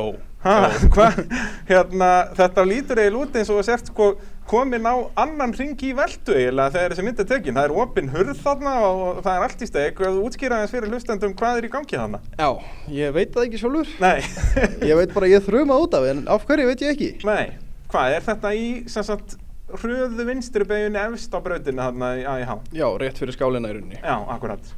Og, Yeah. og hvað, ferðu bara á frætt í beiguna? Þú ferð sérst út úr henni eða ekki? Jú, ég, ég held að ég hef óvart sett hann í fjórðagýrin og fara aðeins var hatt. Já. Og ætlaðir að taka þetta, er þetta venjulega svona þrýðangir beigja þarna? Já, ég hef alveg tekið hana í fymta en Já. já, ég var kannski ekki alveg vaknaðar hana. Nei, var þetta snemma í keppninu þarna? Var þetta ekki bara í æfinga? Jú, þetta var í æfinguna fyrir. Já, akkurat, þetta var ekki í rauninni í- ekki í keppni sjálfur, heldur í hátna, Nei, hérna, þetta voru æfingunum. æfingarun sko. Og, og hvað, var eitthvað tjón af viti eða var þetta bara, hvað, aðfelgaður úr dekki eða eitthvað svona? Nei, nei, ég held náttúrulega að bílinn væri bara ónýtur sko. Já. Það sá ekki á honum. Það var bara að setja í fyrsta gír og halda áfram. Já. Getur ekki klikkað. Nei, enda BMF. Enda BMF náttúrulega, ekki eðal BMF samt. Nei. Nei, hérna, hvað, ef þú myndir gera eitthvað beturbætingar á bílum, hvað, hvað myndir þú fara fyrst í? Já. Já, náttúrulega henda veltubúr í þetta. Það er en gera náttúrulega þetta búr kappakstursbíl. og svo er planið að panta spísa og stærri turbínu og eitthvað í þetta, reyna aðeins að skjóta þessu upp. Er það ekki? Það held ég. Annað verið fáranlegt. Já. Uh, hvor brautin finnst þér skemmtilegri? Núna eru alltaf reglulega að kæfta á þessum tveimur brautum og svo náttúrulega vantaði alveg akkuririnn núna en ef þú berur saman semst KK-brautin á AIH fyrir drift Sko náttúrulega ég hábrautin, hún er svo miklu tæknilegri og Mhm. kannski þar að leiðandi skemmtilegri, svona meira krefjandi. Já, það er kannski fer eftir bara svona hvernig, hvað, hvað fólki finnst skemmtilegt það er Já. sömur, en er þú, semst, þú fílar það frekar, tæknilegt og þröngt Já, svona, fer eftir degir endar en já, já, yfirleitt. Þá finnst mér að ég há skemmtilegri en hinn er náttúrulega hraðari og alveg skemmtileg líka. Akkurat, akkurat Og Akureyri, það er náttúrulega, við erum ofta að vinna með svona mismunandi layout þar en, Já. en er hún alveg svona upp þér líka í runni? Já, já, mér finnst alveg gaman að keppa þar líka þar sem að svona öðruvísi bara tilbreyting. Akkurat Náttúrulega vantar bara fleiri brautir. Já, það er svolítið svoleiðis en hérna, við erum allan að koma með þessar þrjár en, en vonandi fáum við bara ennþá fleiri og, og þá vonandi líka bara í önnur bæjarfélag það þarf ekki alltaf að vera hérna í kringum höfuborgina Nákvæmlega, sama, það er bara, það er bara alveg svoleiðis uh, sammálega er þar sko. 2021, hvað eru plönin núna á að henda veltibúr í bílinn og fara í opnaflokkin? Stendur til að skipta um bíl, Ok, en það er ekki ákveðið. nei, hvað, hvað er þá verið að, að pæla, hvað er á tekniborðinu? Bara nákvæmlega eins bíl, Já, nema það er svoleiðis. sem lítur kannski aðeins betur út. Já, bara hérna þú ert orðin vanur þessum þannig að þú ætlar ekki að breyta því heldur bara að hafa þetta eins svona snirtilegra Já, já, bara hendur svo yfir og vonaði besta, í rauninu bara skiptum skil. Já, akkurat. En hvað, er hann þá orðin semst alveg svona lúinn þessi BMF eða er þetta aðalega bara svona útlitið það? Ég náttúrulega keipt hann bara í myrkri sko, ég skoðaði hann ekkert þar sko. Hann er allur beglaður og orðikaður og ógislegur. Já, Það er kannski minni vinna að fara bara í annan bíl. já, akkurat, akkurat. Að bara færa allt kramið yfir og, og daginn svona skil kostar nú ekki svo mikið. Nei, Það alls er ekki. Bara, en þetta náttúrulega kostar allt saman vinnu. Já, En það hlýtur að líka að beinast við eins og ég segja að fara í opnaflokkin, búin að vinna gödubílaflokkin. já, það er svona er planið, ef þetta gengur allt upp. Það er bara svo leiðis. Þá ætla ég bara að óska þér til hamingi með titilin og gangi ég vel árið 2021. Bara þakka fyrir það. og þá getur við bara rétt honum Jóni Þór Mækkin, þá getur við farið svolítið yfir, yfir tímabilið hjá, hjá honum Þú ert náttúrulega á, á eða Lexus Jú, jú, eðal. eða Lexus, já, sjáðu já. til, það er Þar eru einhver- við sammála, sko. það er bara svoleiðis, með, með eh, gæðans efrálegt uh, gramsi ykkur þarna framan í honum Jú, jú, og hérna, þetta svinn virkar þetta, já, þetta allavega virkar. já Og, og það var alveg svona ágætis keppni í opnaflokknum núna þetta, þeir voru alltaf 5-6 bílar að- í, í öllum keppnum Já, það hefði mátt vera fleiri. Já, það við höfum alveg séð yfir tíu bíla, Já, já, sko. já, já. þannig að- að það er alveg rétt, það hefur getað verið fleiri, en þetta var samt alveg nóg þannig að það var spennandi kepp. þetta var allt mjög spennandi, sko. mjög spennandi. Og hérna, Ármann Ingi, hann uh, kom sterkur inn þarna í lók tímabils. Gríðarlega maður. Ha, Jú, getur sá fantur kert maður. hann er á hvað, eða Datsun eða Nissan eða hvað maður kallar þetta? Já, þetta er, þetta er Nissan hvað, Þetta 240 eða? eitthvað, þetta er einhverja tölustafur og Það er einhverjum tölustafir. og seta eh, og eitthvað Japanin er mikið að vinna bara með tölustafir Já, og já. seta og X og allt. Já, það. já. Og hérna, já, hann, það verður erfitt að eiga við hann árið 2021. já, já, er það þú veist, hann er flinkur kallinn sko. Já. og hérna, er gaman að keira með honum, virkilega gaman að keira með honum og hann í rauninni vinnur hann síðustu tvær keppnar af þessum þremur en hann náttúrulega Algjörlega. mætti ekki í fyrstu keppnina þannig að hann var Algjörlega. einhvern veginn aldrei almennilega í slagnum um titilin nákvæmlega ef hann hefði mætt í fyrstu kefni þá hefði þetta mögulega verið önnur útkoma sko. já allavega svona orðið svona jafnara myndi maður halda sko. algjörlega sko. og hérna það hlýtur að stefna bara í ennþá meiri samkeppna á næsta ári í, í þessum flokk algjörlega, þetta verður ógeðslega skemmtilegt tímabil sko. alveg, maður er alveg yðar í skinninu að býða til næsta tímabil sko. er það ekki? Jú, jú, jú. ég get líka látið þið aðeins meira með því að segja þér að frá því að, að það var byrjað að keppa í opnaflokknum árið 2017 hefur enginn varið titilin þannig að það er Nó, press á þér já. Það- þannig að nú verður bara að Já, verja þetta, gjöru svo vel fyrsti titilunum verður maður ekki haldur um allavega í ár Jú, allavega í ári ef ekki Já. oftar sko. Já, ég segi- það segi gengur ekkert það. að vera að mæta Ég þarna segi og, og vinna ekki nákvæmlega ha. uh, Mikki horfir eitthvað skringil á þau þarna ég veit ekki hvað hann er að fá nei, það náttúrulega var Mikki mættir í opnaflokki líka þá getur þetta orðið strembið sko já, en Ha. ég er reglulega upp á verstaði hjá honum hann maður getur skúrið á eitthvað eða klemt eitthvað Já, getur þú fann að að skera á einhverja bremsustrókur Já. og- ekki gleyma því að bíllegin er ótt upp á aðstæði líka en ég get alveg Já, þið getur Nei, ég var náttúrulega bara að grínast sko. Þetta endar á að þið verið báðir að eðalega svo mikið fyrir fyrir öðrum að ykkur allt annað vinnur Já, já. meðan að þið eru bara Náum ekki keppinu. Náðu ekki, mætið ekki einu sinni til keppni sko, þetta verið djóðs með þess Nákvæmlega Mm. Hérna uh, knö, planið fyrir næsta ár ætlar að breyta bílnum eitthvað eða er þetta bara fínt eins og þetta er? Ah, Ég ætla að reyna að krista aðeins meira uh, power út í vélni Já, Ég er eitthvað að gæla við að fá með stróki kitt og svona aðeins að sparka honum upp í Eh, herstólum ok alveg Lýst ekkert að fá þetta úr Nei, nei, það er bara óþarfi sko. þarf, ekki, þarf ekki turbínu þegar maður er með 6 lítra öskrandi sko. Já, nákvæmlega, Lexusin er þetta ekki tiltölulega létt líka og svona, það þarf ekkert að Æ, hann er klett þungur Nú, sko. það er svoleiðis? Já, hann- pú, Uss bara Hann er alveg hrikalega þungur Uh, ef við tölum aðeins um þess að kostnaðarmun, þú veist eins og ef núna Mikki ætlar að fara upp í opnaflokkin, þú veist, er eitthvað stórkostlegu kostnaðarmunur á göttubílaflokki og opnum göttubíla? Er ekki í rauninni, Mm. er þreppið ekki stærra frá minni göttubílum í göttubíla heldur en göttubíla í opna? Ég myndi halda það, jú En í rauninni eini kostnæður sem hann þarf að standa í er bara að búra og Já, og Og ef síðan er maður kostnaðurinn sá kann að- sami nánast sko. gallinn og þetta bara Já, þú veist, hansabúnaður og galli og, og hérna Það Já það, er er náttúrulega, rauninni- þú þarft bara hjálm í, í hérna göttubíla og þarft ekki að vera í eldhildum galla og, og með hansbúnað og, og allt þetta. Ég nema þú sért með keppni stól og 6 púnta belti Já. Ha, Þá þarf að vera með hansabúnaður og hérna, þannig að já, kostnaðarmunurinn er kannski ekkert stórkostlegur þarna að minni. Nei, alls ekki Já, sko kannski alls aðalega bara ekki. viltubúrið Já, og, og hérna smá persónulegu búnaður en það er svo sem hægt að eiga hann síðan í mörg ár þannig að já þetta er bara smá startkostnaður Nákvæmlega, that's it sko það er bara svo leiðis Þetta er ekkert flókið. er eitthvað er eitthvað slúður í driftheimum hverjir verða að keppa þarna á næsta ári í opnafloknum er einhverjir nýjir að koma inn eða gamlir að koma inn sterkari er þetta allt mjög rólegt Ég veit það ekki, ég er svo með ekkert verið að fylgjast með því sko. nei það bara kemur í ljós í fyrstu keppni Já, já, verður og- maður ekki að hafa smá sp svona spennu fyrir því líka Jú, það er alltaf gaman að mæta inn í pitt uh, í fyrstu keppni og sjá hverjir eru mættir Síðan er alveg undrandi þegar einhver mætir Þannig að það, það er alveg, ég held að það sé eina vitið sko og hérna stefnir í, í skemmtilegt sísón það verða, ég ætla hún að fleiri keppnir ætlum við að vona þetta COVID-keftaðin fara að hætta og við Já. náum að fara norður aftur og verður líf og fjör Ég vona það. þá ætla ég bara að óska ykkur já, góðs gengis árið 2021 og Takk enn og hérlega. aftur til hamingi með tilhana Takk hérlega fyrir það. Takk fyrir Þið eru að hlusta á mótorvarpið í bóði AB varahluta. Endilega kíkin á ab.is eða kíkja í verslanið þeirra í Reykjavík á Egilstöðum, Akureyri, Reykjanesbæ og Selfossi. AB varahlutir alltaf betri. Og þá er hingað komin eh, Íslandsmeistari í minni göttubílafloknum í driftinu. Það er Emil Örd Kristjánsson, sæll og blessaður. Sælir, Til hafði mikið með titilinn. þakka þér fyrir. Hérna, minni göttibílaflokkur, að útskýri þetta eins og þetta er í rauninni svona byrjandaflokkurinn í driftinu eða ekki? Jú, þetta er sko, jú, þetta er byrjandaflokkur og hann er háður því sko að þú mátt bara keppa held ég átta keppnir samtals Já. og ef þú lendir á palli að þá þarft að fara upp og ef þú hefur Já. einhver tíman keft í öðrum flokki heldur en minni götu bílum, þá götu bílum eða opnum eða eitthvað, þá máttu ekki fara inn í hann aftur sko. Akkurat, akkurat. Og þetta er einmitt til að halda þessu þannig að, að til að hvetja nýlið að koma og mæta og ekki vera hrættir um að æ, nei, ég er svo lélugur að þá þóri ég ekki að mæta. Þú veist Já. að þá eh, t- tekið þú veist um leið og nærði ykkur um árangri að þá ferðu bara yfir í næsta flokk. Yes, nákvæmlega, í ljónagreifina sko. Já, sem þar, að- þar getur orðið smekur yfir hversu lélugur þú ert, sko, en ekki í Algjörlega. þessum, ekki, ekki endilega allavega. Nei. Þessi var, hann var mjög skemmtilegur í sumar sko. Já, já, það var fullt af keppendum. Já.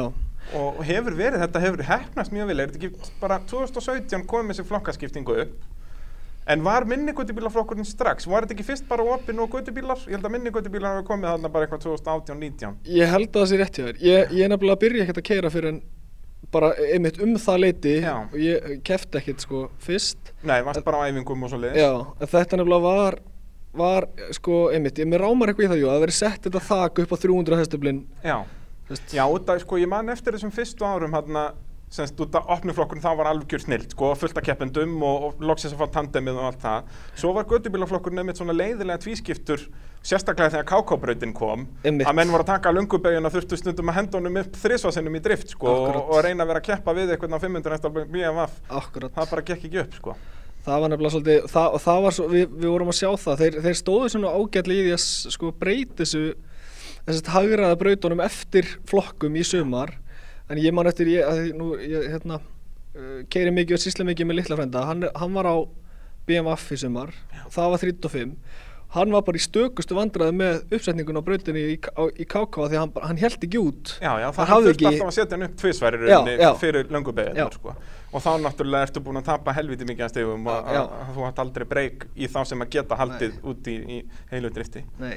og þú keppir á Ford Mustang Já. þessum líka gullfallega Ford Mustang Ég segi eins og mikið, ég, ætla- ég myndi aldrei kalla hann gullfallega neða eðalega, þetta var fýtt bíl. Já, hann virkar vel Já, þó að ég- þetta sé kannski ekki já, það er svona er bara mismöndi hvað fólki finnst hvort að þetta sé fallegasta bodyið eða ekki Ég myndi segja sísta sko Já, þetta Klárlega. er sko að mínum að þið myndi ég að setja þetta í, í annarkvort síðasta eða næst síðasta sæti sko Foxbodyð kemur stertinn líka sem, sem s- sko, ekki fallegt body Já, þeir eru skemmtilega polarising, ég elska þá sko Já, Ég þeir- já, ætlaði, það er svona ætlaði í retro svolítið sko, stemming, sko.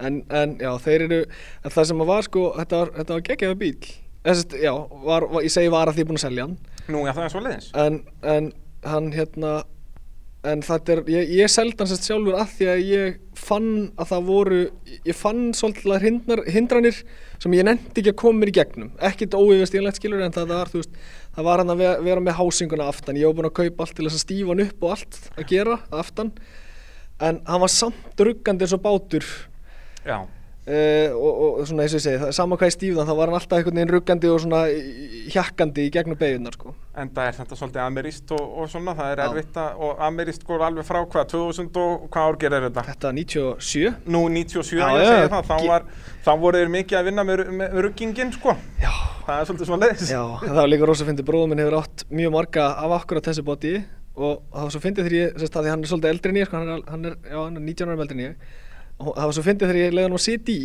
hann er búin að kera þessa bíla orginal í mörg mörg ár en hann sati í mig um fyrsta hring og hann, það var fyrst sem hann gerir var að grípa í bara þegar hann kom í beigja þegar hann bara, þessi bíl getur ekki beigt svona mikið, já. bara þú ert að fara út af þannig að þetta, er, þetta var mjög skemmtilegt, þetta var mjög svona afbreyðilegu bíl sko. Já, já, akkurat. Og hérna, sem sagt, hv- hv- hversu miklar breytingar má gera í þessum minni guttubílaflokki? Það er náttúrulega ákveðið hestabla þak. Þú Já. má setja beigjukitt og svo leys. Já. Þú getur Þannig að í rauninni gert- allar fjöðrunarbreytingar eru leifilegar. Já. Það er bara hestabla þakki í rauninni. Já, þú, og það, það aðskilur alveg soldið, sko, það verður alveg smá flokkaskipting innan þessa litla guttubílflokks. Já, og það eru sumir sem að hafa farið þetta ekstra skref. Já, af því að ég, ég myndi, þú veist, ég ætla ekkert að fara að kasta einhverju fram, en ég, ég held að 300 hestöfl sé of hátt þak ef eitthvað er, Já. af því að ég var hann á 220 hestöfla vaff 8 bíl, en ég- ég, ég skeindi stórubjörnum ekkert mál, en það eru þeir sem eru að, að hyrðu upp 150, 170, 190 hestöfla BMF-ana, þeir átt aldrei breyka því þeir mist alltaf Já. aflið, sko. Og vantar alltaf eitthvað tóg og, og svona, Já. já. Að, þá er mitt sérstaklega munur um að fatta eða, eða já, 170 stafla fjóra sínlindra vél að Já. að hún er aldrei að fara að ná tögi til að Nei. halda í þessum beigjum sko. þannig að það er spurningi á eins og þú segir að, að lækka þetta þakki eða þá að skipta þessu ennþá meira þá að sé nú alltaf varasamt að búa til fleiri Já, flokkar, sko. algjörlega, freka bara að lækka þakið af því að þú, þú kemur ennþá flestum inn í flokkin þó þetta verið 250 eða eitthvað svo leiðis Akkurat. Þú veist, þá geta menn alveg skrúa smá en þú getur nefnilega gert það er rosalegu munur á flokkinum eh, innbyrðis eftir því hvað menn nenna að eyða í Já. eitthvað svona stús í kring sko. Þú Akkurat, veist, eins og ég þannig var að- ekki með handbremsubegi þá er rosalegur Nei, en hérna, vöku handbremsu, ekki Vökvahandbremsu? handbremsu Ég var ekki með vöku handbremsu það, það, það var rosa munur á mér og þeim sem voru með það til dæmis sko. Já, ég skiljanlega, eins og sérstaklega kannski á, á, í hábreytinni sem er svona þrengri og Já. þú þarft að vera að hendunum á milli og sérstaklega eins og segir amerísku búðingurinn sko, að að þá þarftu ennþá meira á því að halda sko. Já, að, hérna, þannig að það er augljóslega muna svolítið um það já og eins og við varum að tala um áðan við, við hérna driftarana, þetta náttúrulega endaði að vera þrjár keppnir, átt að vera fimm upprunalega Já. og er með þetta sniðum fyrirkomulag sem mér finnst nú að fleiri greinar ættu að byrja með að, að Sest, þegar þetta átt að vera fimm að þá gilda bara fjórar bestu Já. sem er mjög sniðut finnst mér í íslensku motorsporti bara út að þetta er það lítið og áhuga mannasport að annarkvort að bjóða þeim sem eru bestur upp á það að sleppa inn í keppni og þá þeim sem að vilja mæti allar að þá geta þér átt eina slæma keppni Akkurat. að, þannig að mér finnst það mjög snjált en það náttúrulega var ekkert úr því þegar það eru bara þrjár keppnir Nei, að nei. þá náttúrulega gilda þær allar og já, þetta gekk svona ákjallega heilt yfir hvernig, hvernig fannst þér tímabili ganga ef þú svona horfið tilbaka? Hjá mér eða, eða almennt? Hjá, hjá, hjá þér bara, þú náttúrulega endar hvað í þriðasæti í fyrstu keppninni sem Já. var KK Já. og þannig að þetta byrjaði nú ekkert frábælega þú veist, komst inn í tímabilið bara, heyrðu, nú ætlaði ég að vera meistari Sko, í- eiginlega, já. já. En sko, ekki vitandi að ég gæti það, heldur meira bara með Bara einhvers svona konar svona hugarfar bring, bara. bringuna út, sko, Já, já. já. en það er náttúrulega fyrsta skrefið í að vera meistari sko. Það Eh, Já, er, já, já. þetta snýst mjög mikið um hugafærið Ég, sko, við, við ég, sérst, tímbil byrjar hann með fyrstu keppni sem að ég, þá eru sko tíu held ég sem keppa Já, já, og alveg hörku, hörku keppni og það er mitt svolítið sparkar í rassin og maður lendi í þriðasetti þar um, en ég, ég var alltaf sko ég var alltaf að bítast við við hérna Ingo já, á Ingo Lexusnum. náttúrulega vinnur hérna, þessa fyrstu keppni Já. Ingólu Þóra Ævarsson Yes. og, og vinnur svo lokaðum fyrir líka en hann mætir Já. ekki í keppni 2 hann, hann mætir Nú er það svoleiðis? Já, vélinn fer hjá honum Já, það er hann, svoleiðis. Já, hann var, hann var eitthvað, ég, man, man, ég veit ekki hvort ég seg, segi rétt frá en hann var eitthvað að sýsla, ég held að hann hafi skipt um blokk eða eitthvað að því hann var eitthvað tæpur, vélinn sem var fyrir var eitthvað tæp á einhverju Já. þannig að hann skiptur um, hann átti aðra blokk, skipt um blokk og færir á milli, en sú blokk er ónýtt þannig að hann, Dásamlegt. já, hann klárar sérst mótorskipti bara fjögur um nóttina fyrir keppnum nummer tvö en, en svo vil var ónýtt þannig að hann bara keiri tvo-þrjur ringi og svo bara ég man ekki, svo kom bara olíupollur og það bara vil nátt Já. og þá tek ég fyrsta sæti eftir rosa, rosa slag við Kristó að norðan Akkurat, akkurat og hérna þar, þar tekur fyrsta sigurinn á, á árinu það var aftur á KK bröðinni og hérna svo er það AIH og þar er það aftur Ingo sem að tekur fyrsta setið Já. veist, var Ingo betri en þú í, í sumar? Já, ég myndi alveg segja það, hann var, hann var betri sko Hann var bæði, bæði betri að keira fannst mér En hann var líka, mér, hann, hann hafði svolítið að hann var betri á bílinn Já. Og fyrir sérstaklega í- á AIH-brautinni þá hafði hann mig klálega á handbremsunni Út af því hvernig brautin var lögð Akkurat í þröngadótinu Já, þá, nei, já, eftir beinakablan að það var svo erfitt að ná þröngu þröngakablanum án þess að hæja á almennilega. Ég þurfti alltaf að slá af og þá var ég alltaf komið bara í rugl, sko. Já, það er nefnilega beautyð við þetta, þetta motorsport drift að- að út af þetta er bara keppni í karkontróli, þetta er Já. bara pjúra karkontról og þá einmitt er þetta mjög erfitt, þú ert að koma að hraða inn í langa beigju og þar síðan eins og sérstaklega eins og aði hábrautin er sem er mjög skemmtilegt leiðjátt, Já. út af fyrsta vinstri beigjan hann að löng og svo þarf þetta að hæja á þér í miðju drifti Já, það er og bara mjög spurðu snúið, sko. hvern sem er þeim við slæta bíl og prófa að íta á bremsuna þá snýst hann á punktinu Já. Þa, það er bara Akkurat. svolítið svoleiðis og þá er mitt betra að geta, slegja, já, geta slegið af og ít, semst, verið með vökvahambremsu Já. en, en það var ekki svo gott hjá þér Nei, ég slátraði framdækjunum í þeirri keppni. Ég, Já, það er svoleiðis. Já, ég, það er til mynd, að ég á eitthvað, eitthvað, eitthvað skrýnsveitur ykkur í vídjói, þar sem ég er búinn að skransa sennilega þrjá, fjóra metra, bara klossbremsa á Menn bara læsta framann bara. Já. og, og enda keiri ég bílinn í vinnuna daginn eftir, eitthvað, Já. eitthvað, eitthvað Já, stemning í mér. notaður hann sem deilítinn verið líka bara ég, ég, annars lægið það var gott viður Já. og hérna, að því að hann náttúrulega, þessi bíl var ennþá alveg fullkomlega keiranlegur sko. Já, það það er ekkert beigjurkitt og eitthvað jú, svoleiðis jú, eða? beigir Nú, kitt ok, og allt svoleiðis það er hann, ekkert hann, vesen. hann var jafnvel betri Já, heldur það er norginar svoleiðis. með því, já Ókei. en, en hérna, en þá er mitt lag úr dekkinu síðan morgunin eftir Já, þá komum við bara niður í stríf Yes, já. Það er um að gera að nota þetta dót. já, Ha? já, hann var fín Er það ekki? Og hérna, þú segist vera búin að selja bílinn, hvað er, hvað er planið núna 2021? uh, ég kefti mér hérna Nissan Ok, eins og þau voru að tala um sem að Ármann á hérna, ég kefti S13 Nissan já, akkurat. sem, að, sem er búið að setja ofan í mitt Chevrolet trukkamótor Já. 5,3 Það er ekkert annað. uh, búin að kaupa ég en beigju kitt Ok, og búin að koma yfir hann þaki núna þannig að ég ætti að geta byrja að skrúfa hann saman að því að það er allt annars slagur í gödubíla heldur en já. minni gödubíla þetta er bara, þetta er allt, þetta er bara ljónagrefja með við sko Já, og þetta eins og við vorum að tala um áðan að það er um leið og nærði einhver márangri í göttubíla þá verður að fara, já, eða sérst í minni Minni göttubíla götubíla. segi ég, að að þá hérna verður að automatist mun harðari slagur í, í göttubílafloknum yes vegna þess að já, allir þeir góðu eru farnir úr minni göttubíla þannig að Já. þetta verður, það er alltaf svona meira random kannski í minnu göttubílna A- algjörlega. bara harður slagur í, í göttubíla og er það planið sett á, á göttubílaflokkin þú ætlar ekkert að fara að búra þig neitt þú ætlar að taka stegan bara alveg eins og á að gera þetta Já, ég, það er bara peningalegt skam, samt Já. sko. Ég, ég væri rosa til í að opna, uh, en ég væri náttúrulega fyrst og fremst bara rosa til í búr. Já. En, en hérna, eftir að hafa hort á Aron keira á steipuklumpin í fyrra sem var. Akkurat. Sællaminninga.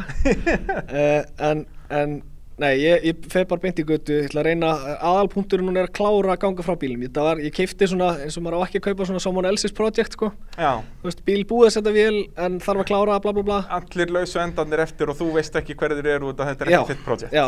Jep, en, það er alltaf dásamlegt Já, en ég er með góða hjálp í því samt þannig að það- það ætti alveg að ganga upp Akkurat, þannig að það er tekið stefnan á, á göttibílaflokkin Yes. Ég var að tala við Mikka og, og Jón Þór um, um sem sagt, þessi skref á milli flokka og, og sem sagt, peningahliðina á þessu er, er það stærra skref að fara frá minni göttibílaflokki yfir í göttibíla eða er það st- er stærra að fara úr göttibíla yfir í opna?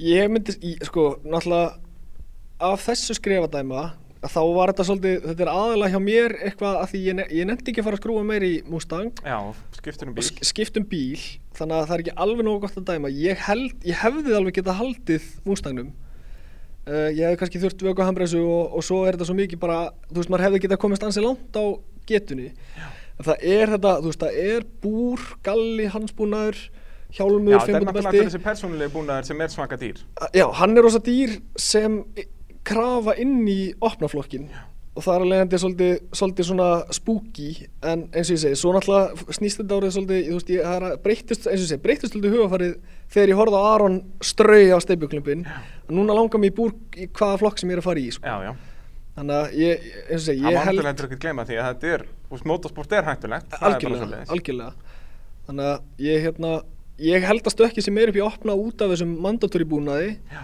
en spurningin er samt hvort þú ætlir ekki bara að vera búin að þessu fyrr og Já, þá já. náttúrulega er stökkið kannski ekkert, þú veist, peningalega séð með reglur eru örgulega stærri upp í að opna en klálega myndi ég segja minni gödubíla upp í gödubíla ef þú ætlar að vera með þú veist, það var ástæðan fyrir ég skipti Akkúrat. að því ég vildi líka vera með, þú veist, ég vildi ekki bara fara upp um flokk og vera ennþá á sömu byggjunni, sko, Já, já, heldur að þú ert annað til að keppa. Já, já. Það er bara 100% svoleiðins. Og hérna, sérst, ef við tölum um hvað þarf til að byrja í drifti, að þetta er nú engin, engin gemisindi. Þú getur mætt þarna bara á aftutur spíl, bara sjóði honum drifið og farið að spóla. Já. Og bjútið er náttúrulega líka sérstaklega það að það eru reglulegar æfingar. Já. Þannig að það er ekki, það er náttúrulega mjög margir smeykir um það að mæta strax í keppni og gera svona fíbli, sko. Já. að þá er fínt að snúast eins og engi sem morgundagurinn á æfingunum og, og fá smá tötsi fyrir þessu. Algjörlega, ég er búin að, ég er búin að vera að mæta síðustu þrjú sömur held ég á, og bara reyna að mæta okkur einstu æfingu sem ég get og, og hérna, þetta þarf einmitt ekkert að vera flóki sko. ég, ég, fyrst þú veist þá var ég nýbúin að hérna, kaupa mér íbúð og eitthvað svona og aftingapening og eitthvað, þá skrattaðist bara, bara maður bara á einhverju svona, einhverju dollum sem ég fann bara einhverjar, mm E36 byggjur eða 46 eða whatever og maður komst heldur langt á því sko. það er aðalega bara að passa bílinn sér í lægi og flækit ekki of mikið Já. þú veist, Mustangin náði svolítið að vera þannig fyrir mér ég gerði ekki droslega mikið við hann nefn bara að passa að vera óli á honum það var bara Já, that's it, bara sko. af hann virki, sko, Já. það er alveg, og það tekur líka alveg svolítið vindin úr manni ef þetta er alltaf bila, sko, þá nennir maður þessi ekki. algjörlega Að það er svolítið líkið landrið eins og þú segir, að bara hafa þetta í lægabúl og, og í staðin fyrir að fara í einhverja svaka tjúningar. Algjörlega, og þú, ef þú ætlar að byrja í þessu þá myndi ég einmitt, minn helstu meðmæli væri klálega að finna þér bara finna þér E E36 eða 46 eitthvað svona, eða E ES200 eða eitthvað sjóðu í þessu drifi og hættu svo bara, stopp, Já. farðu bara upp að kera Og farðu bara að spóla. Já. Og svo, þú veist, þegar þeir finnst það vera orðið leiðinlegt, að þá þá ger- getur þau farið í beigukittin og allt þetta dót. 100% af því að það, það er mérst og margir áhuga samir detti grifjun að byrja að skrúa Já, já. og byrja að rífa á eitthvað en svo komast þeir ekki lengra þegar þeir ekki komnum við fyrringir sko. Já, já, og þú veist, sem er alveg skiljalegt út að þú veist, maður fær áhugan við að horfa á allar græðunar Já. og horfa á endalust á YouTube-vídeóum um hversu geggja er að vera með beigjukit og, og þessi sem er heimsmyndstæri með 800 hestöflu og þetta er algjör snild að þá auðvitað langar þér alltaf að gera þú veist, þá er frekar leiðið þetta að vera bara á E E36 með svoðið drif, sko en, já. en eins og þú segir, það meikar samt meiri sens Já, þetta, er, þetta hljómar leiðilega en þetta er, s- það er svo gaman að komast inn á brautina það er svona Já, þetta aðalmálið, sko. snýst svo mikið um að læra bara að keira Já. og þá gerur það á bíl sem þú kanta og bílar ekki Já, það er ekki, þú lærir ekkert á að keira við að skipta um mótor eftir hverja æfingu sko. nei, það er svolítið svoleiðis uh, stökkið frá opna í, í göttubíla sem sagt, minni göttubíla í göttubíla Nei, sérst, guttubílaflokkin yfir í opnaflokkin sérst að það er breytingar á, á vélbúnað og fjöðrun og svoleiðis, það er engin munur þar á milli, er þetta Nei. ekki aðalega bara veltibúrið og, Jú. og persónubúnaðurinn? Jú, aðalega, af því Þannig að- þetta gengur út á það að keira með öðrum sko. Já, og þá náttúrulega verður að, að hafa það út og þá ertu farin að, að tandema. Já. Og það er náttúrulega líka allt öðru, þú veist, hefur eitthvað tíma prófað það bara á æfingum og svoleiðis að elda eitthvað eða Nei. vera eldur? Ég held ég megi það ekki Ég held Nei, ég megi já, það það ekki maður verður að hafa veltibúr, Já. akkurat, já, já. Og hérna, en það náttúrulega hlýtur að vera svolítið allt annað dæmi sem að þú, þú hlýtur að vera spenntur að prófa í daginn. Mjög sko, en það er líka svolítið, ég held að það er svona bara af, af kannski virðingu við þann sem að mun- myndi keiri braut með Já. að þá held ég að ég vilji vera orðin svolítið betra að keira sko. Já, Ég- akkurat, akkurat. Þú veist, ef einhver myndi bjóð, ringi mig og bjóði mér að núna, ég myndi segja, æ, nei, eigum það inni, skilju. Ég ætla að æfa með það spjöndur. Já. Og hérna, bíllinn sem þú varst að kaupa núna, já, það er talsvert mörg handtök eftir í honum. Sko, já og nei, ég, þetta, er, þetta er um leið og eins og ég segi, nú er ég komið með þak yfir hann og þetta er rosa mikið bara svona eitthvað fyll. Já. Þú veist, þetta er bara, hann- hann, hérna, Baldur er búinn að, ég fó- um leið og ég kefti hann og fór ég strax með þetta Baldurs, láta hann, mappa þetta og hann gera mappaði græn. hann sérst þannig að hann myndi ganga allt í lagi svo ég eftir núna, þú veist, það er bara það er opið gat úr, úr skottinu út af einhverju sellu það er opið alveg nýri gólf Já. og rafgimirunlega svona, þetta er bara eitthvað svona smá fyll og fínir í, svo bara meðan til baldurs skrúfundur að beigja kitt og þá þá er ég komin heldur langt, svo er eiginlega restin er bara eitthvað svona sem að mig langar skilur sem er körfustóll og eitthvað svoleiðis Já. en, en til þess að bílinn fara að vera keiranlegur er ekki drosalega langt í land sko. Hvenar byrja æfingar yfirleitt ef það væri ekkert COVID og svona leys? Er þetta ekki yfirleitt að byrja bara í líku við mars, apríl eitthvað svona leys? Ég held það, jú, ég held að sé apríl séu fyrstu að detti í ganga því að fyrsta keppni til dæmis 2021 er fyrsta mæ, sko. Já, já, þetta byrja snemma. Já. Það er bara, og nú fáum við aftur loksins að fara til Akureyrar að, að, hérna, ef það Já. verða einhverju bíladagar og svona, ef þetta COVID snávar í burtu. Já, mikil, það væri, það væri geggjað. Já, Og Ég hef aldrei við fáum, gert hvað eru á dagatalinu? Er þetta 5 eða 6 keppnir? Ég er búin að glemma því. Ég held að séu fimm. Ég held að séu þrjár á AIH, ein á KK og ein á Akureyri. Akureyri. Ég held að séu svoleiðis. Það getur verið. Þannig að það verður bara líf og fjör. Já, ég er mjög spennt fyrir því. Hvaða braut finnst þér skemmtilegust? Hefur þú keft fyrir norðan? Nei, ég hef aldrei kert það, sko. Þú hefur aldrei keft þar, en þá hefur þú bara berð saman KK eða AIH. Sko, ég, það er örglega bara því ég er búin að hamast svo mikið á Já. AIH og KK er smá svona forbidden fruit, þú veist, maður fær bara að fara annarslægið. Mér finnst, hún, mér finnst KK miklu meira spennandi að mér er bóðið að gera þar, af því að mér finnst svolítið gaman, sko, að ma, ma, maður, það er í bóðið svo mikil hraði. Já, hún er náttúrulega bæði sem sagt opnari beigur eða þannig, svo er náttúrulega brautin sjálf er bara breyðari. Já, hún Þú bara- það- einmitt. það- Þú getur alltaf pússað aðeins meiri næsta ring, aðeins meiri næsta Já. ring, það- svona fyrirgefið meira. Já, og mér finnst það svona, af því að það sem maður er að horfa mikið erlendis svona, maður náttúrulega gerir það þegar það kemur langu vetur, Akkurat. að þá var maður svolítið að horfa á það, menn þú veist, þá horfi ég á vídeo á einhverjum gæjum erlendis að- að að keyra alveg eins og Bavíana kannski seinna hundraðinu að- Já, að bara í hendunum á hlið. útslætt í sjötta gír og Já. rífi í hambó, bara ekki málið. Já, og það, mér finnst það svo spennandi en það er mitt er ekki, af því ég, ég spóla ekkert á gödunni, ég er ekkert að, að hérna, hætta mér í það. Nei, Að- að þetta er þá það finnst- tónþvæla. Já, já, já það, Það er er bara náttúrulega, svoleiðis. það er alveg rétt. En, nei, en ég er svo sem er bara ekkert í því, ég er bara ómikil skræfið, ég er svo hrættur um að kera vegið eða eitthvað. Já, helvitis kantarnir. Já, þannig að ég reynir bara að vera duglegur að mæta og þess vegna sest, finnst mér svolítið spennandi að geta einmitt verið komin á svolítið mikinn hraða Já. og þá er mitt drifið í og, og farið að að slæta sko. Þannig að mér finnst káka meira spennandi. Já, og eins og þú segir, það er líka út að kannski þú hefur kert þar minna, þá Já. kannski ef þú Já. værir, ef þetta myndi snúast við það, að þá kannski fyndist þér AIH meira spennandi. Já, hún er rosa skemmtilega samt sko.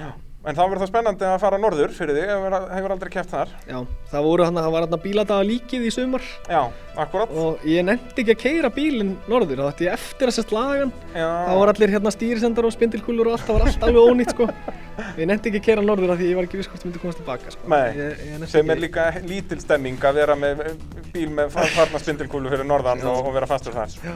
Það er svona ekkert mjög spennandi. Nei, ekki beint Það er bara svoleiðis. Heyrðu, þá vil ég bara óska þér ennu aftur til hamingi með titilinn fyrir. og, og gangi þér vel árið 2021. Takk fyrir það